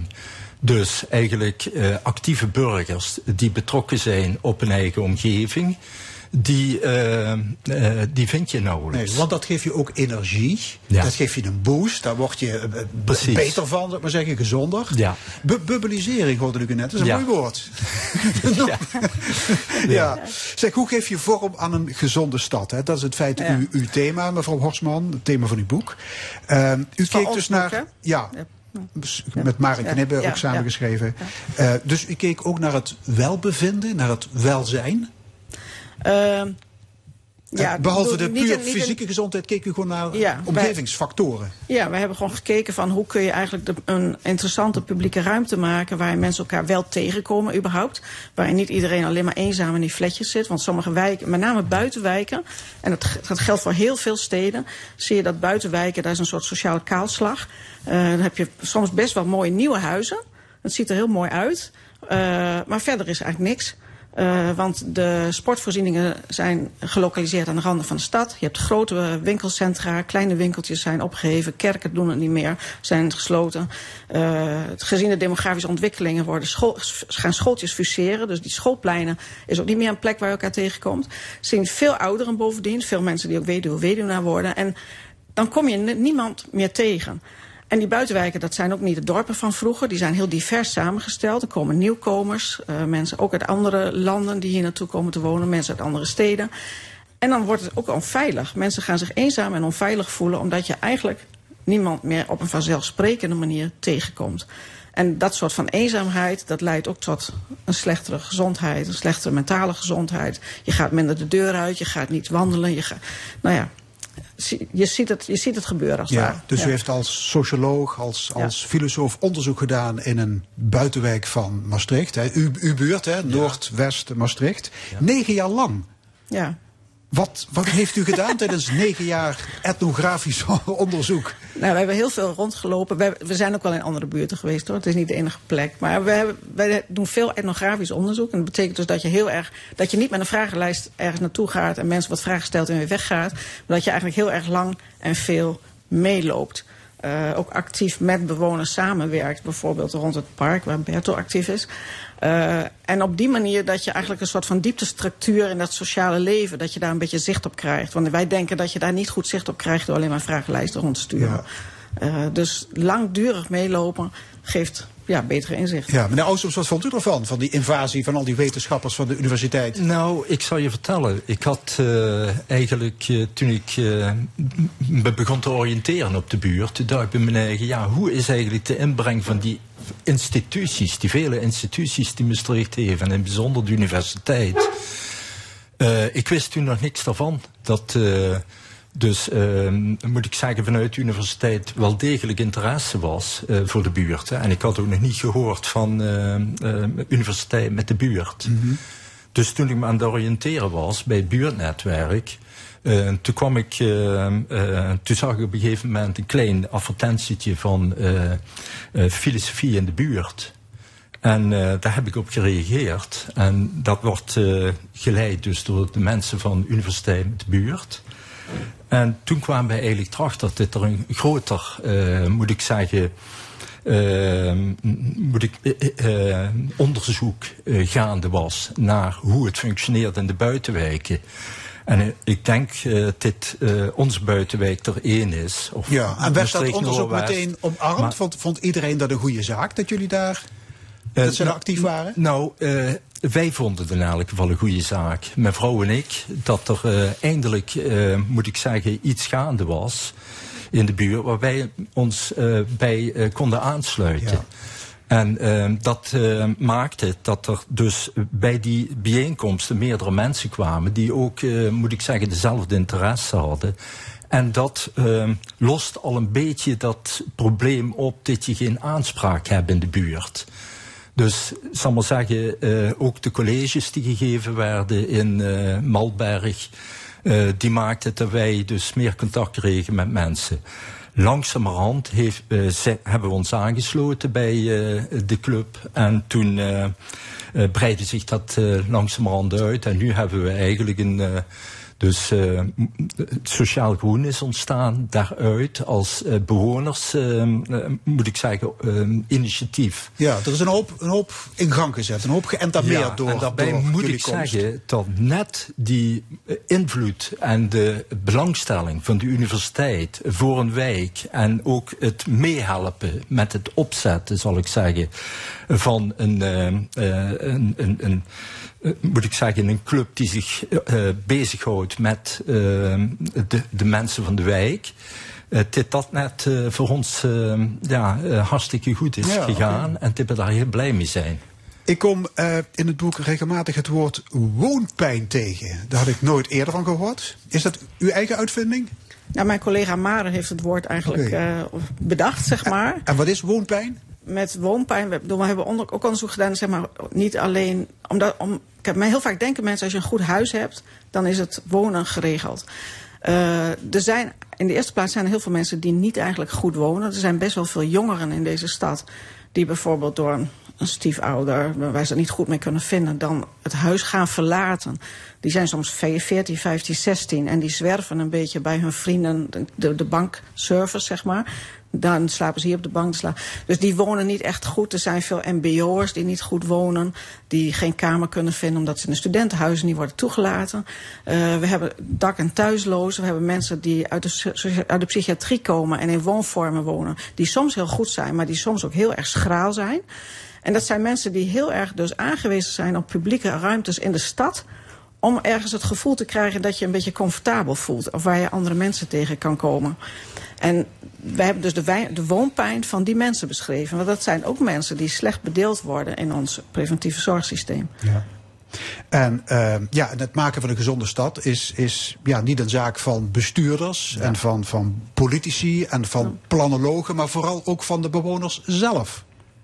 Bij uitstek, denk ik. Ja. Uh, het, dat vindt ook iedereen. Kijk, we leven al heel erg lang in het tijdperk van de burgerparticipatie. Ja, dat wil ik zeggen. Hebben burgers überhaupt eens in de melk te brokkelen? Want burgerparticipatie ja, is een mooi begrip, maar dat staat ja. ook in de kinderschoenen. Hebben ze iets te, te vertellen? Nou, ik Weten ze daar op het gemeentehuis goed raad met die burgerinspraak? Volgens mij, nee, de, de, iedereen is aan het zoeken naar manieren om dat goed te doen. Want uh, wat je ziet is zeg maar, dat zo gauw burgers zelf met iets komen...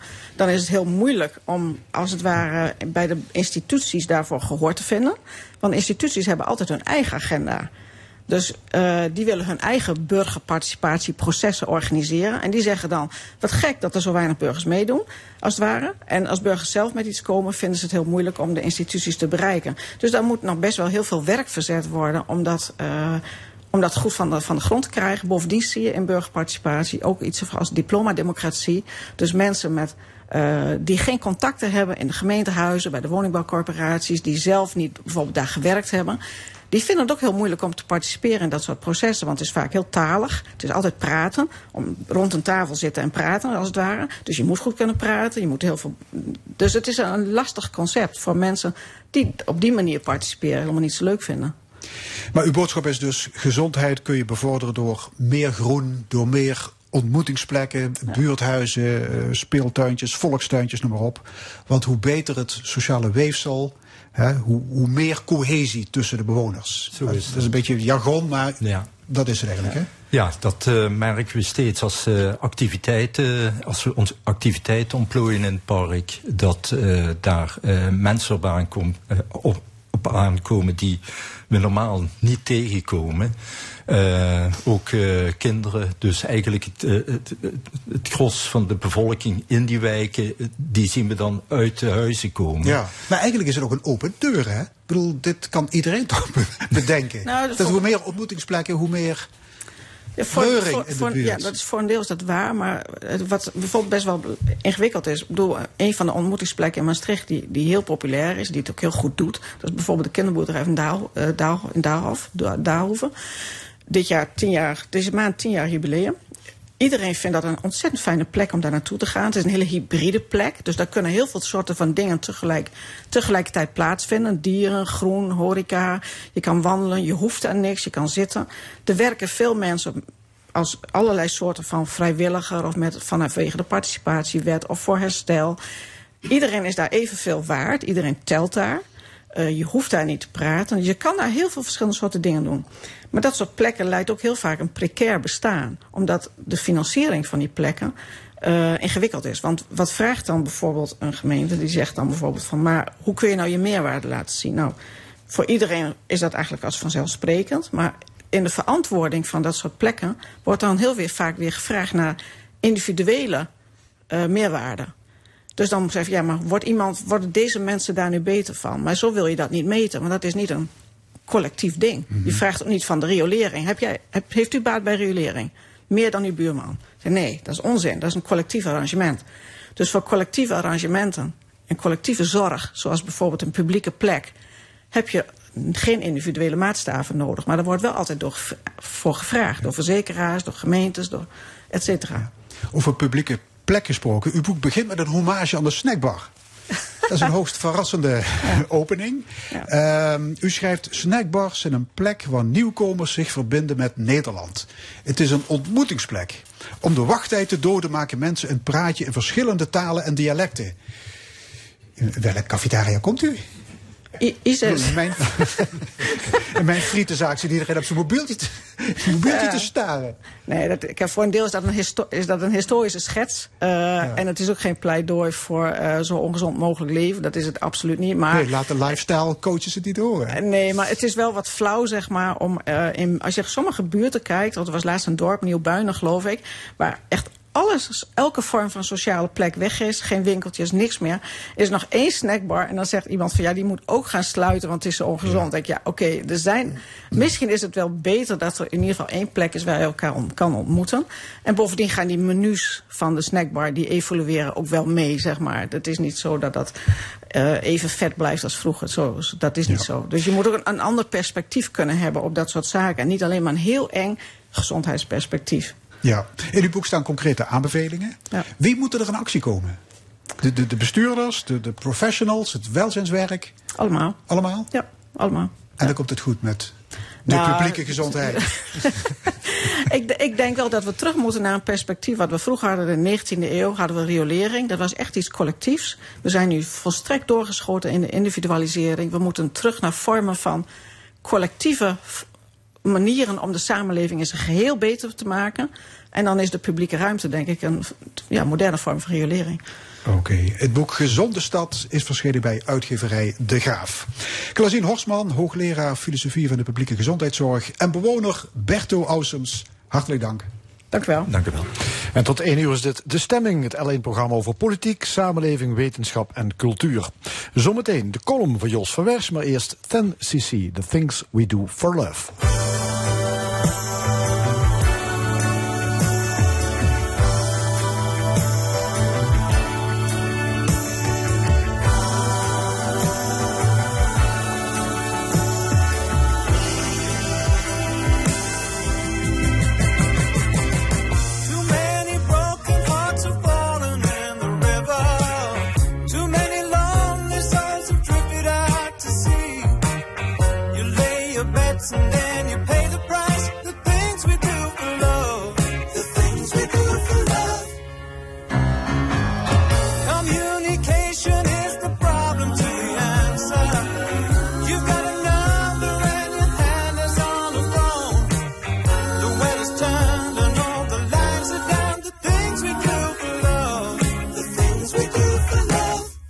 Walking in the rain and the snow when there's nowhere to go. When you're feeling like a part of you is dying and you're looking for the answer in her eyes.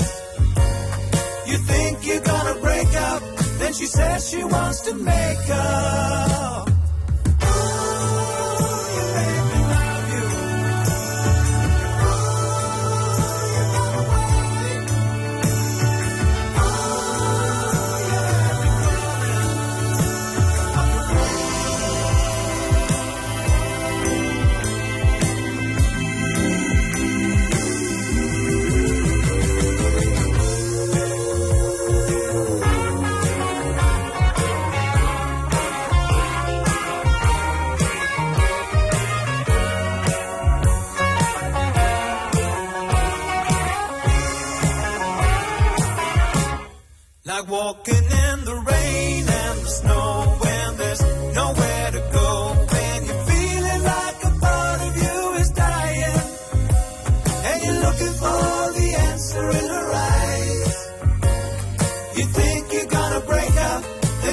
She wants to make up.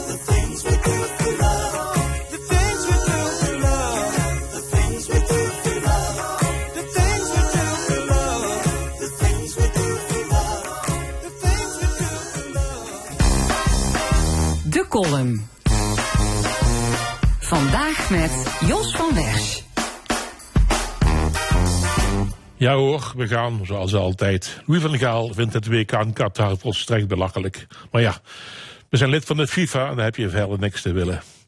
Aan koning Willem-Alexander ligt het niet. Die wil maar wat graag. Is hij van zijn opa. Die knipt hem er ook graag tussenuit op de verkeerde momenten. Premier Rutte heeft zijn majesteit alvast beloofd dat hij op zondag 18 december mee mag naar Qatar. Dan speelt Oranje zo goed als zeker de finale tegen Argentinië. Net als 44 jaar geleden in Buenos Aires. In de serie Open Verteld neem ik u even mee naar april 1978. Terwijl Bram Vermeulen en Freek de Jong in ons land actie voeren met bloed aan de paal, vlieg ik, een geoogklepte, onnozele sportjournalist, vrolijk gemutst naar Tunesië, vanwege een oefend interland aan de vooravond van het WK. Enkele spelers van Oranje roken als een ketter in het vliegtuig, dat mocht toen nog, en op de rijkelijk geserveerde Bacardi Cola is niets aan te merken. Was moest ik met bloed aan de paal, vraagt trainer Ernst Happel. Geïrriteerd aan de journalist van de linkse kerk het waard om het thema mensenrechten aan te kaarten. Kan je gelul voetbal spelen, zegt Happel. En dat doet Oranje in Tunis voortreffelijk, want het wint dankzij drie spelers van Rode JC. Dick Nanninga, Pierre Vermeulen en Jan Jongbloed. Dick, Pierre en Jan hadden, net als ikzelf, niet het flauwste benul van het moorddadige regime in Argentinië.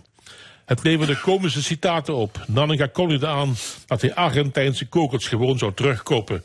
En Bertie Vogts, de aanvoerder slash geopolitieke deskundige van de Duitse manschaft, constateerde dat hij geen enkele politieke vluchteling had gezien. Nanninga en Vogts heten nu Memphis Depay en Stefan de Vrij, om maar eens twee te noemen. Net als toen kijkt de KNVB weg. Ethiek en waardigheid, allemaal leuk en aardig. Maar olie en gas gaan voor. Het WK in Argentinië bleek een perfecte manier om het imago van de dictatuur wel op te poetsen tegen de beschuldiging van marteling en verdwijningen. Rensenbrink schoot in de finale de bal tegen de paal. Een bal waar bloed aan kleefde. Het WK in Qatar wordt een schitterend voetbalfestival op de graven van de duizenden arbeidsmigranten. Want zodra de bal rolt en het oranje in de eerste ronde Qatar, Senegal en Ecuador heeft vermorzeld, worden wij euforisch. En heus niet alleen de vogelenwijken in Roermond. 44 jaar na Buenos Aires is Nederland opnieuw bereid om de beschuldiging van stille medeplichtigheid te slikken in ruil voor fossiele grondstoffen. Net als 31 andere voetballanden die een diepe buiging moeten maken voor de alleralmachtige emir van Qatar die moderne slavernij tot norm heeft verheven. Moeten we dan niet naar Qatar gaan? Jawel hoor. Bertie Voogd zei het al, eerst als kaas, dan die moraal. De column van Jos van Wersch. Het is eh, half één, tijd voor het discussiepanel van De Stemming. Vandaag gaan we het hebben over de vogelgriepepidemie, de bestuurscultuur in Roermond vanwege het opstappen van de burgemeester en over Schiphol als mede-eigenaar van Maastricht Agen Airport. Rond de tafel Karel Leunissen, oud-voorzitter van het CDA Limburg, Jan de Wit, ex-Kamerlid voor de SP en u hoorde hem al eerder, journalist Roy Op het Veld. Heren, welkom. Ja, het is niet meer bij te houden. Hè. Het ene na het andere bedrijf wordt geruimd. Uh, hele grote was 300.000 leghennen deze week. Uh, dat was bij een bedrijf in Heidhuizen. En dan hebben we het natuurlijk over de vogelgriep. De grootste uitbraak uh, tot nu toe. Um, ja, dan is er weer zo'n massa-ruiming. Uh, Karel, kijk jij er nog van op als er weer uh, een ruiming nee, wordt aangekondigd? Nee, nee, nee. Kijk, het feit dat er uh, zo'n enorme grote bedrijf... er hoeft maar één of twee kippen besmet te zijn... dan wordt er overgegaan tot ruiming van uh, de hele stal, zal ik maar zeggen. En dan gaat het over meer dan 100.000 of 200.000 uh, van die beesten. Daarnaast is het ook nog zo dat veel van die grote bedrijven in de buurt van elkaar liggen. Op één of tien kilometer afstand van elkaar. En dan, eh, ondanks die hygiënemaatregelen die fors zijn aangescherpt door eh, de, de Nederlands Instituut voor Gezondheidszorg en, en Diergeneeskunde, eh, zie je toch die besmettingen toch eh, om zich heen grijpen. En dan is uh, het uh, lijden in last natuurlijk. En dan hebben we dikke problemen. Ja, dat is iets waar we mee moeten leren leven, Roy op het veld? Uh, dat lijkt me niet. Dat lijkt me heel gevaarlijk als we dat uh, zijn gang laten gaan. Ik denk dat we daar een situatie is ontstaan. Uh, even los van de oorzaken, maar de schaalvergroting van, uh, um, van ons hele voedingssysteem, maar met name van de veestapel, die is, ik denk, dat is een risico voor de volksgezondheid. Daar gaat uh, hemeltergend uh, dierenleed mee gepaard. Het, het, levert heel veel klimaatproblemen op. Fijnstof, stikstof, noem het allemaal op. Ik denk dat, um, ik denk dat het een hele gevaarlijke situatie is. Ook als, als dit, dit soort ziektes kunnen overslaan van, uh, van dier op mens. Ja, corona is daar eigenlijk al een voorbeeld van.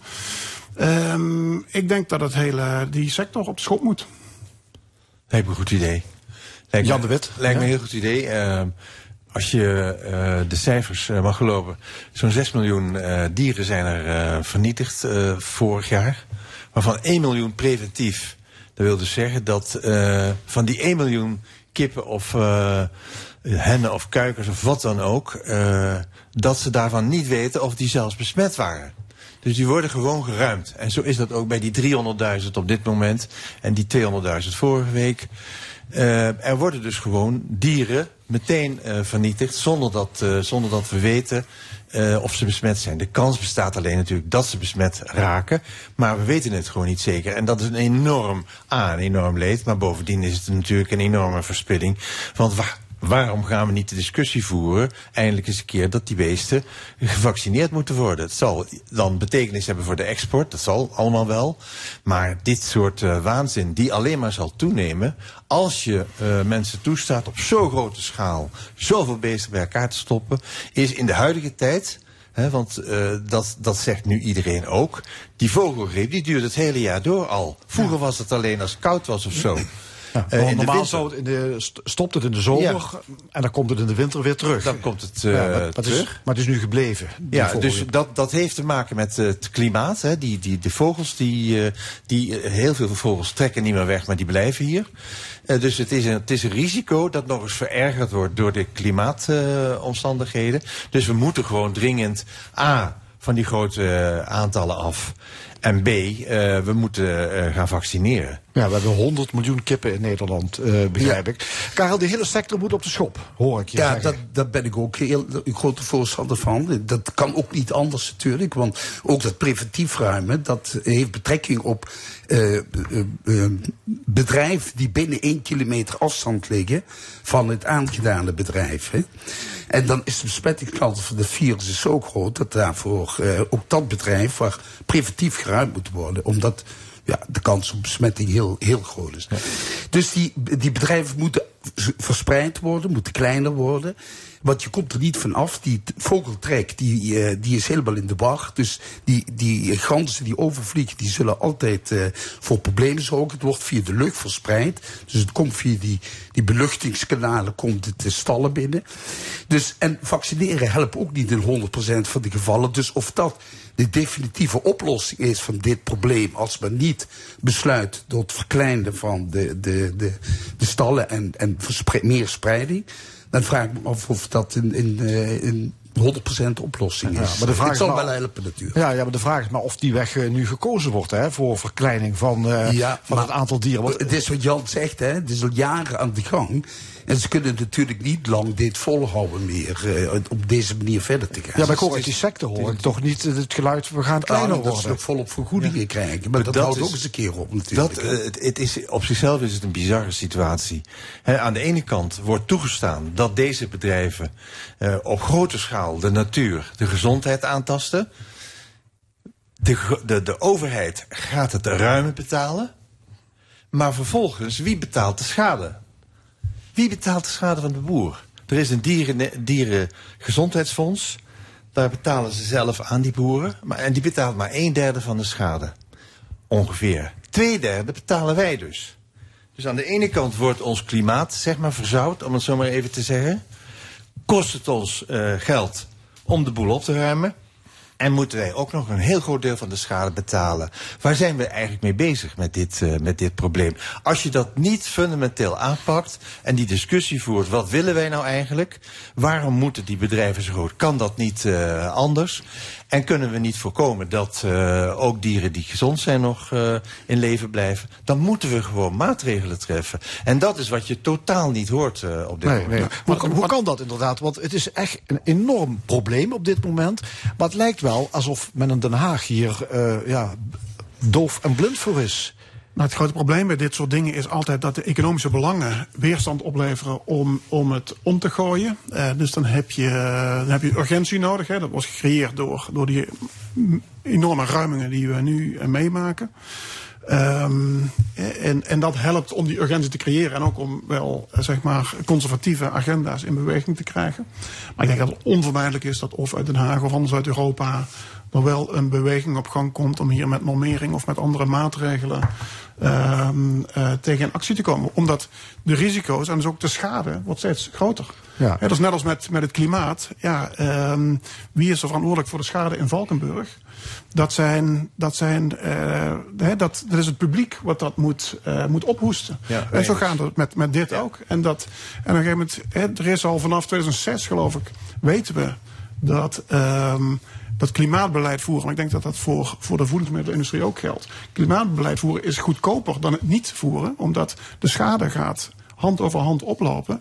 En die wordt afgewenteld op de maatschappij. Ja. En, dat, en, dat, ehm, en dan moeten er blijkbaar rampen of hele, eh, eh, zeg maar, ja, zeg maar hele echte calamiteiten zich voordoen om dit echt op te lossen. Ja, want hoe gevaarlijk is die situatie, denken jullie, op dit moment eh, in Nederland met die vogelgriep?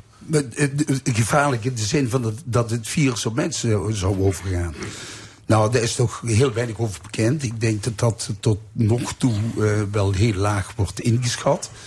Maar ja, die zo'n zoonose, daar moet toch redelijk goed onderzoek naar gebeuren. Dat werd ook gezegd van die geitenproblematiek, dat Q-ziekte, de Q-ziekte en de Q-koorts. En eh, ja, men, men heeft het ook over de BSE. Bij koeien is dat een hele discussie geweest. Maar toch zijn er aanwijzingen dat het eh, bij corona, dat dat het toch van dier op mensen over kan gaan. Dus dat risico Daar moet je niet op wachten, denk ik, omdat het, eh, totdat dat onomstotelijk bewezen is dat dat het geval is. Dat risico moet je volgens mij gewoon niet nemen. Nou, dat risico is ook, wordt ook steeds groter, hè, wat je ook leest. Dat eh, door die grote aantallen bij elkaar, wat we ook bij corona gezien hebben trouwens, maar dat virus muteert. eh, dus Mm. bij zoveel beesten bij elkaar gaat die mutaties, die veranderingen van dat virus, gaan dus veel sneller. En dus de kans dat het op mensen overgaat, wordt natuurlijk steeds groter. Eh, dat hebben we dus eigenlijk niet in de hand door die grote aantallen. Eh, Dus dat is een argument te meer om daar echt gewoon fundamenteel eh, naar te kijken. Ja, het is voor politici eigenlijk altijd makkelijker om even, om even niets te doen dan wel een actie te komen. Omdat er al uh, Nou ja, het, risico's aan het is het brood van de mensen. Ja. Dus, en, en dat is ook zo natuurlijk. Maar de vraag is alleen wat, wat daar tegenover staat eh, aan enorme schade die wij, of schade, en niet alleen schade, maar wij betalen in ieder geval als belastingbetaler, betalen wij dit probleem. Goed, nieuws van deze week dat eh menigeen zag aankomen. Het vertrek van burgemeester Donders van Roermond. Vorig jaar stuurde zij een brandbrief waarin ze haar nood klaagde over de onwerkbare bestuurscultuur. Maar de fracties van de Liberale Volkspartij en GroenLinks die hebben geen zin om oude wonden open te rijten. En nu heeft Rianne Donders haar conclusies getrokken. Wat vinden jullie van de gang van zaken? Ja, volgens mij blijft hier akelig stil aan tafel, Ja. Nou ja, Roermond is een geval apart natuurlijk. Ehm, dat denk ik niet. Oh. Nou, in ieder geval, er, er is in ieder geval daar één fractie die eh, nogal eh, huishoudt. eh, eh, onder leiding van Van van Rij. eh, of met behulp van Van Rij, hoe je het ook wilt zien. Maar in ieder geval, Dat kijk... is de LVR die ik net noemde. LVR. De, de, de realiteit is natuurlijk voor een burgemeester op het moment dat je, zoals zij het ook in haar afscheidsbrief zegt, op het moment dat ze ziet dat haar ideeën over hoe eh, de raad en het college eh, met elkaar zo moeten omgaan en hoe ze zich moeten gedragen. Als jouw ideeën over bestuurscultuur niet aanstaan of niet besproken worden, of men weigert die te bespreken, dan is er eigenlijk niet veel anders mogelijk dan te zeggen er is geen basis voor samenwerking. Dus ik begrijp natuurlijk, ik, of ik begrijp haar besluit eh, wel degelijk, dat er geen enkele eh, ruimte is om, eh, om, nog, eh, om nog op een zinvolle manier te, te functioneren. Maar ja, het was, het was natuurlijk, Rian is binnengekomen met het idee om dat dualisme, democratisch dualisme, constructief politiek bedrijven, om dat ook een remond. eh, eh, Ja, ze misschien toch beter een andere gemeente kunnen uitzoeken. Ja, maar, maar Rian die, die, die durfde Maar als dat het daar was gelukt, was het wel gelukt. Die was, dat is een stevige bestuurster en eh, bestuurder. En die heeft dat aangepakt. De eerste vier jaar is dat redelijk goed gegaan. Niet in de laatste plaats natuurlijk omdat het Van Rij toen een beetje onder druk stond. Hè. Eh, maar er waren toch wel, ook wel grote problemen hoor. Dat, dat vlamde daar en dat, dat was niet in constructieve samenwerking tussen de verschillende partijen. Toen Van Rij de grootste werd, ja, toen had ze En werd opgenomen in het college van college, dit jaar. hè, Ja. want- en hij werd ook nog wethouder. Ja. Ja, toen kon je op twee vingers natellen dat dat helemaal fout zou gaan. En eigenlijk had ze natuurlijk dat moeten voorzien. Maar ja, ze kon niet voorspellen wat de uitslag van die verkiezingen waren. Maar voorheen hebben gewoon de, de andere partijen, de LVR, altijd buitenspel gezet. Ja. En daardoor kon het nog een beetje functioneren. En Rian probeerde daar constructieve eh, bestuurscultuur te bouwen. Maar dat is toen eh, eh, eh, Van Rij wethouder werd, is dat gewoon de nek omgedraaid. Dat, dat was gewoon afgelopen. Roy op het veld.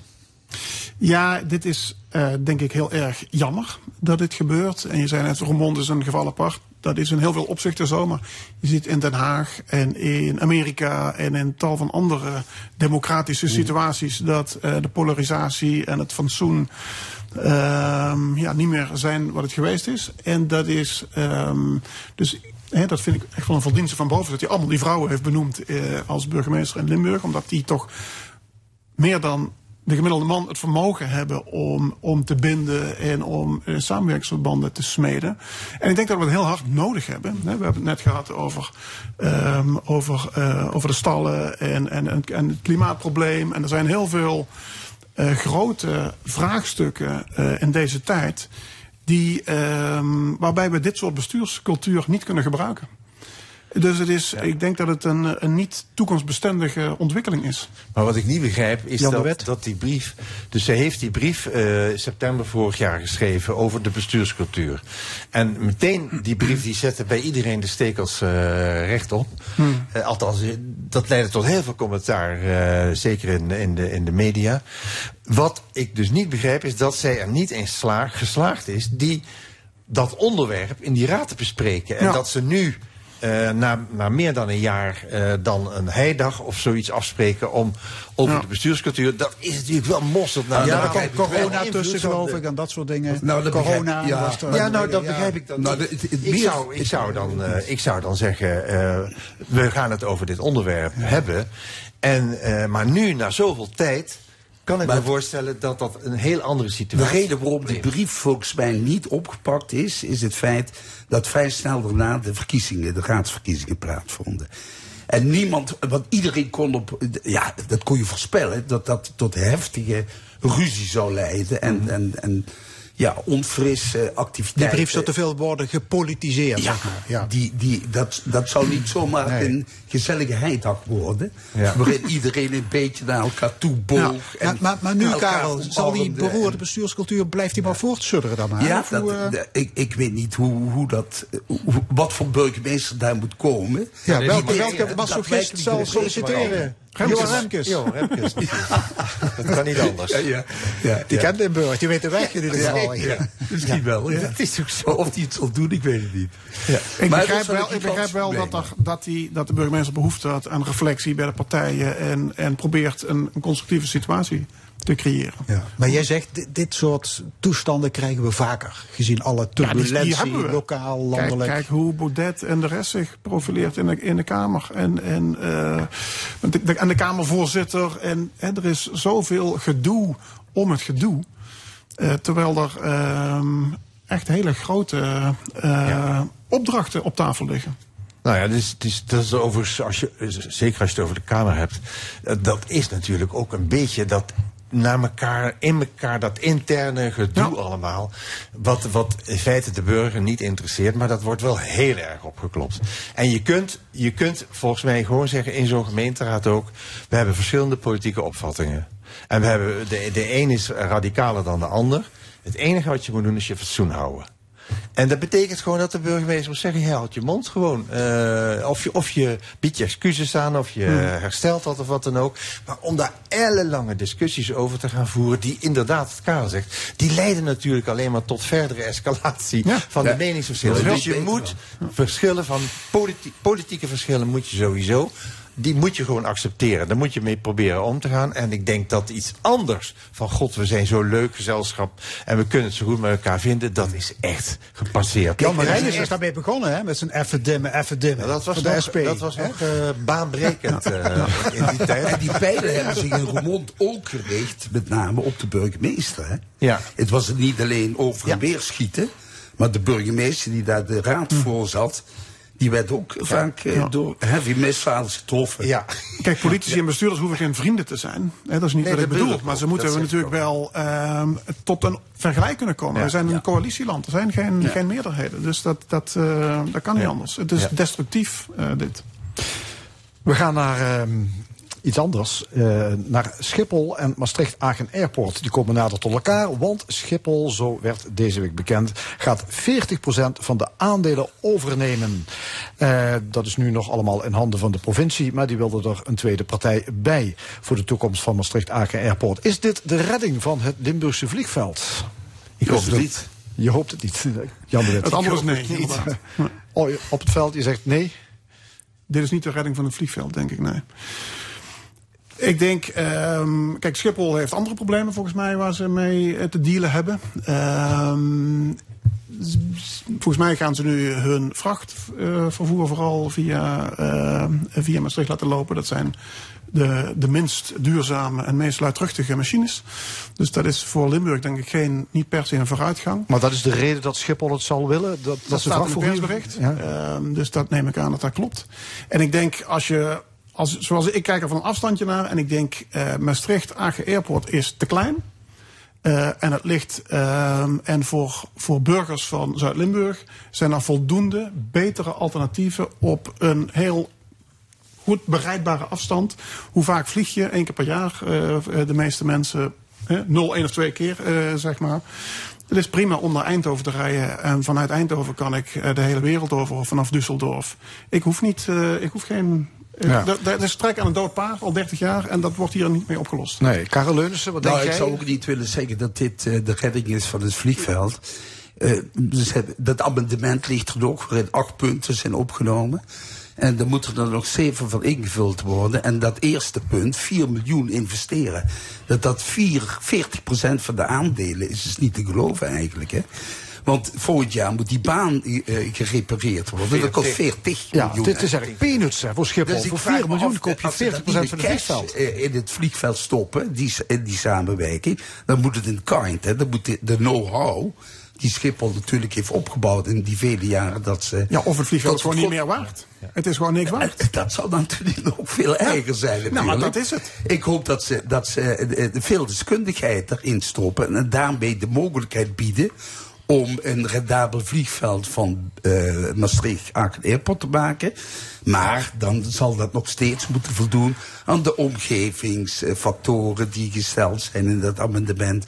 Aan de, de, de, de economische eh, opbrengst. Hè, wat, wat voor een arbeidsbanen levert dat vliegveld op. En als het alleen maar laaggeschoolde mensen zijn die die vracht afhandelen, dan zal dat niet eh, in, in schottende rol zijn. Nee, Ja, maar de- de dus het- Maar gaat, maar gaat het misschien wat makkelijker met de vergunning als Schiphol erachter zit? Want eh, volgens mij eh, Nou ja, de- afgelopen jaren wel een potje breken. eh, nationale luchtvaart. Hè.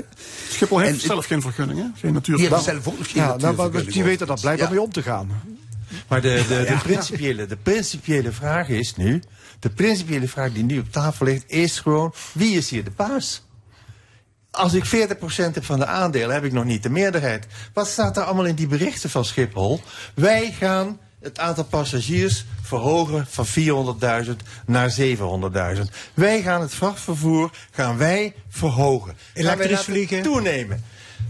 We- ze hebben 40% van de aandelen. Ik, ik hoop dat Nou ja, ze ophouden nu. Ze hebben toegezegd om innovatief, duurzaam Ja, nou, en omgevingsgericht te Dan- zijn. dan kom ik zo. Nou, als, dat, Als dat heel concreet gemaakt wordt, dat is nu nog, ja, dan kun je je van alles bij voorstellen.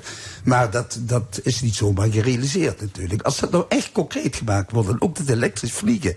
Hè, dus het, het, het toevoeren van de hub. Daar heb ik vroeger vaak van mogen genieten, moet ik zeggen. Dat ik hier in Maastricht kon opstappen naar Amsterdam en dan een internationale vlucht kon maken. Maar het, Dat is was gewoon een, ja, het is gewoon een onzinverhaal, eh Karel. Wat zij vertellen over die elektrische vliegtuigen. Die zijn er nog niet eens. En in 2025 ook niet. En in 2030 waarschijnlijk ook. Nou, het grootste probleem is dat ze daar een, karrevracht aan, eh, aan accu's eh, moeten inlaaien. Waardoor dat ding niet kan opstijgen. Voor lange afstand zeker niet. maar wat vinden jullie dus met andere woorden, er, er wordt gewoon een onzinverhaal verteld. Eén, ze hebben de, niet de meerderheid. Provincie, provinciale staat bepaalt nog steeds wat hier moet komen. En, en vervolgens hebben ze lak. Ze hebben gewoon lak aan de discussie in Nederland over stikstof, over uitstoot, over klimaat. Nee, we gaan er nog een schepje bovenop doen. We Nou, verdubbelen als het niet. ware de hele zaak. Nou, Ik het is, dat- gewoon, het is gewoon verschrikkelijk wat hier gebeurt. Dat Schiphol even hier de dienst gaat uitmaken. Ik dacht het niet. Maar ik hoop ook dat provinciale staten nu zeggen... laten we nu even een punt aan de richel zetten. Ik, ik, ik, Roy denk, op het veld? ik denk dat eh, Schiphol ook geen meerderheid wil, eerlijk gezegd. Omdat Nee. ze dan, als je, dan ben je echt verantwoordelijk. Dus Ja. dan moet je straks ook voor de verliezen opdraaien. En eh, ik kan je alvast vertellen dat Schiphol niet de verliezen gaat dragen die, eh, die Maastricht Airport over vijf jaar nog steeds heeft. Dat is gewoon de provincie die daarvoor kan opdraaien natuurlijk. Duurzame luchtvaart. Trouw heeft een uitstekende serie gehad de afgelopen week over, eh, over de stand van zaken in de duurzame luchtvaart. Dat gaat nog decennia Ja. duren. Eh, elektrisch vliegen is niet, eh, is niet be- beschik- beschikbaar binnen nu of binnen 10 of 20 jaar. Ja. Waterstof is nog, er is nog geen groene waterstof. Het gaat allemaal nog heel erg lang duren. Dus daar, dat duurzame verhaal is kwestieus. En bovendien, er is één andere regionale vliegveld in Nederland... die heel erg aan de weg timmert met alle experimenten op dit gebied. En dat is vliegveld Eelde. Dus ik zie niet in hoe Maastricht eh, die positie gaat overnemen. En ehm, ja, voor, eh, eh, als we het hebben voor duurzaamheid. En er komt meer vracht naar. Ja, en überhaupt meer, meer vluchten naar Maastricht. Dan wordt het, dat wordt minder duurzaam. Het wordt niet meer duurzaam. De, over- minder overlast voor de mensen die nu al zeg maar eh, heel erg groot is. En wat een heel belangrijk argument is voor een heleboel omwonenden om te zeggen.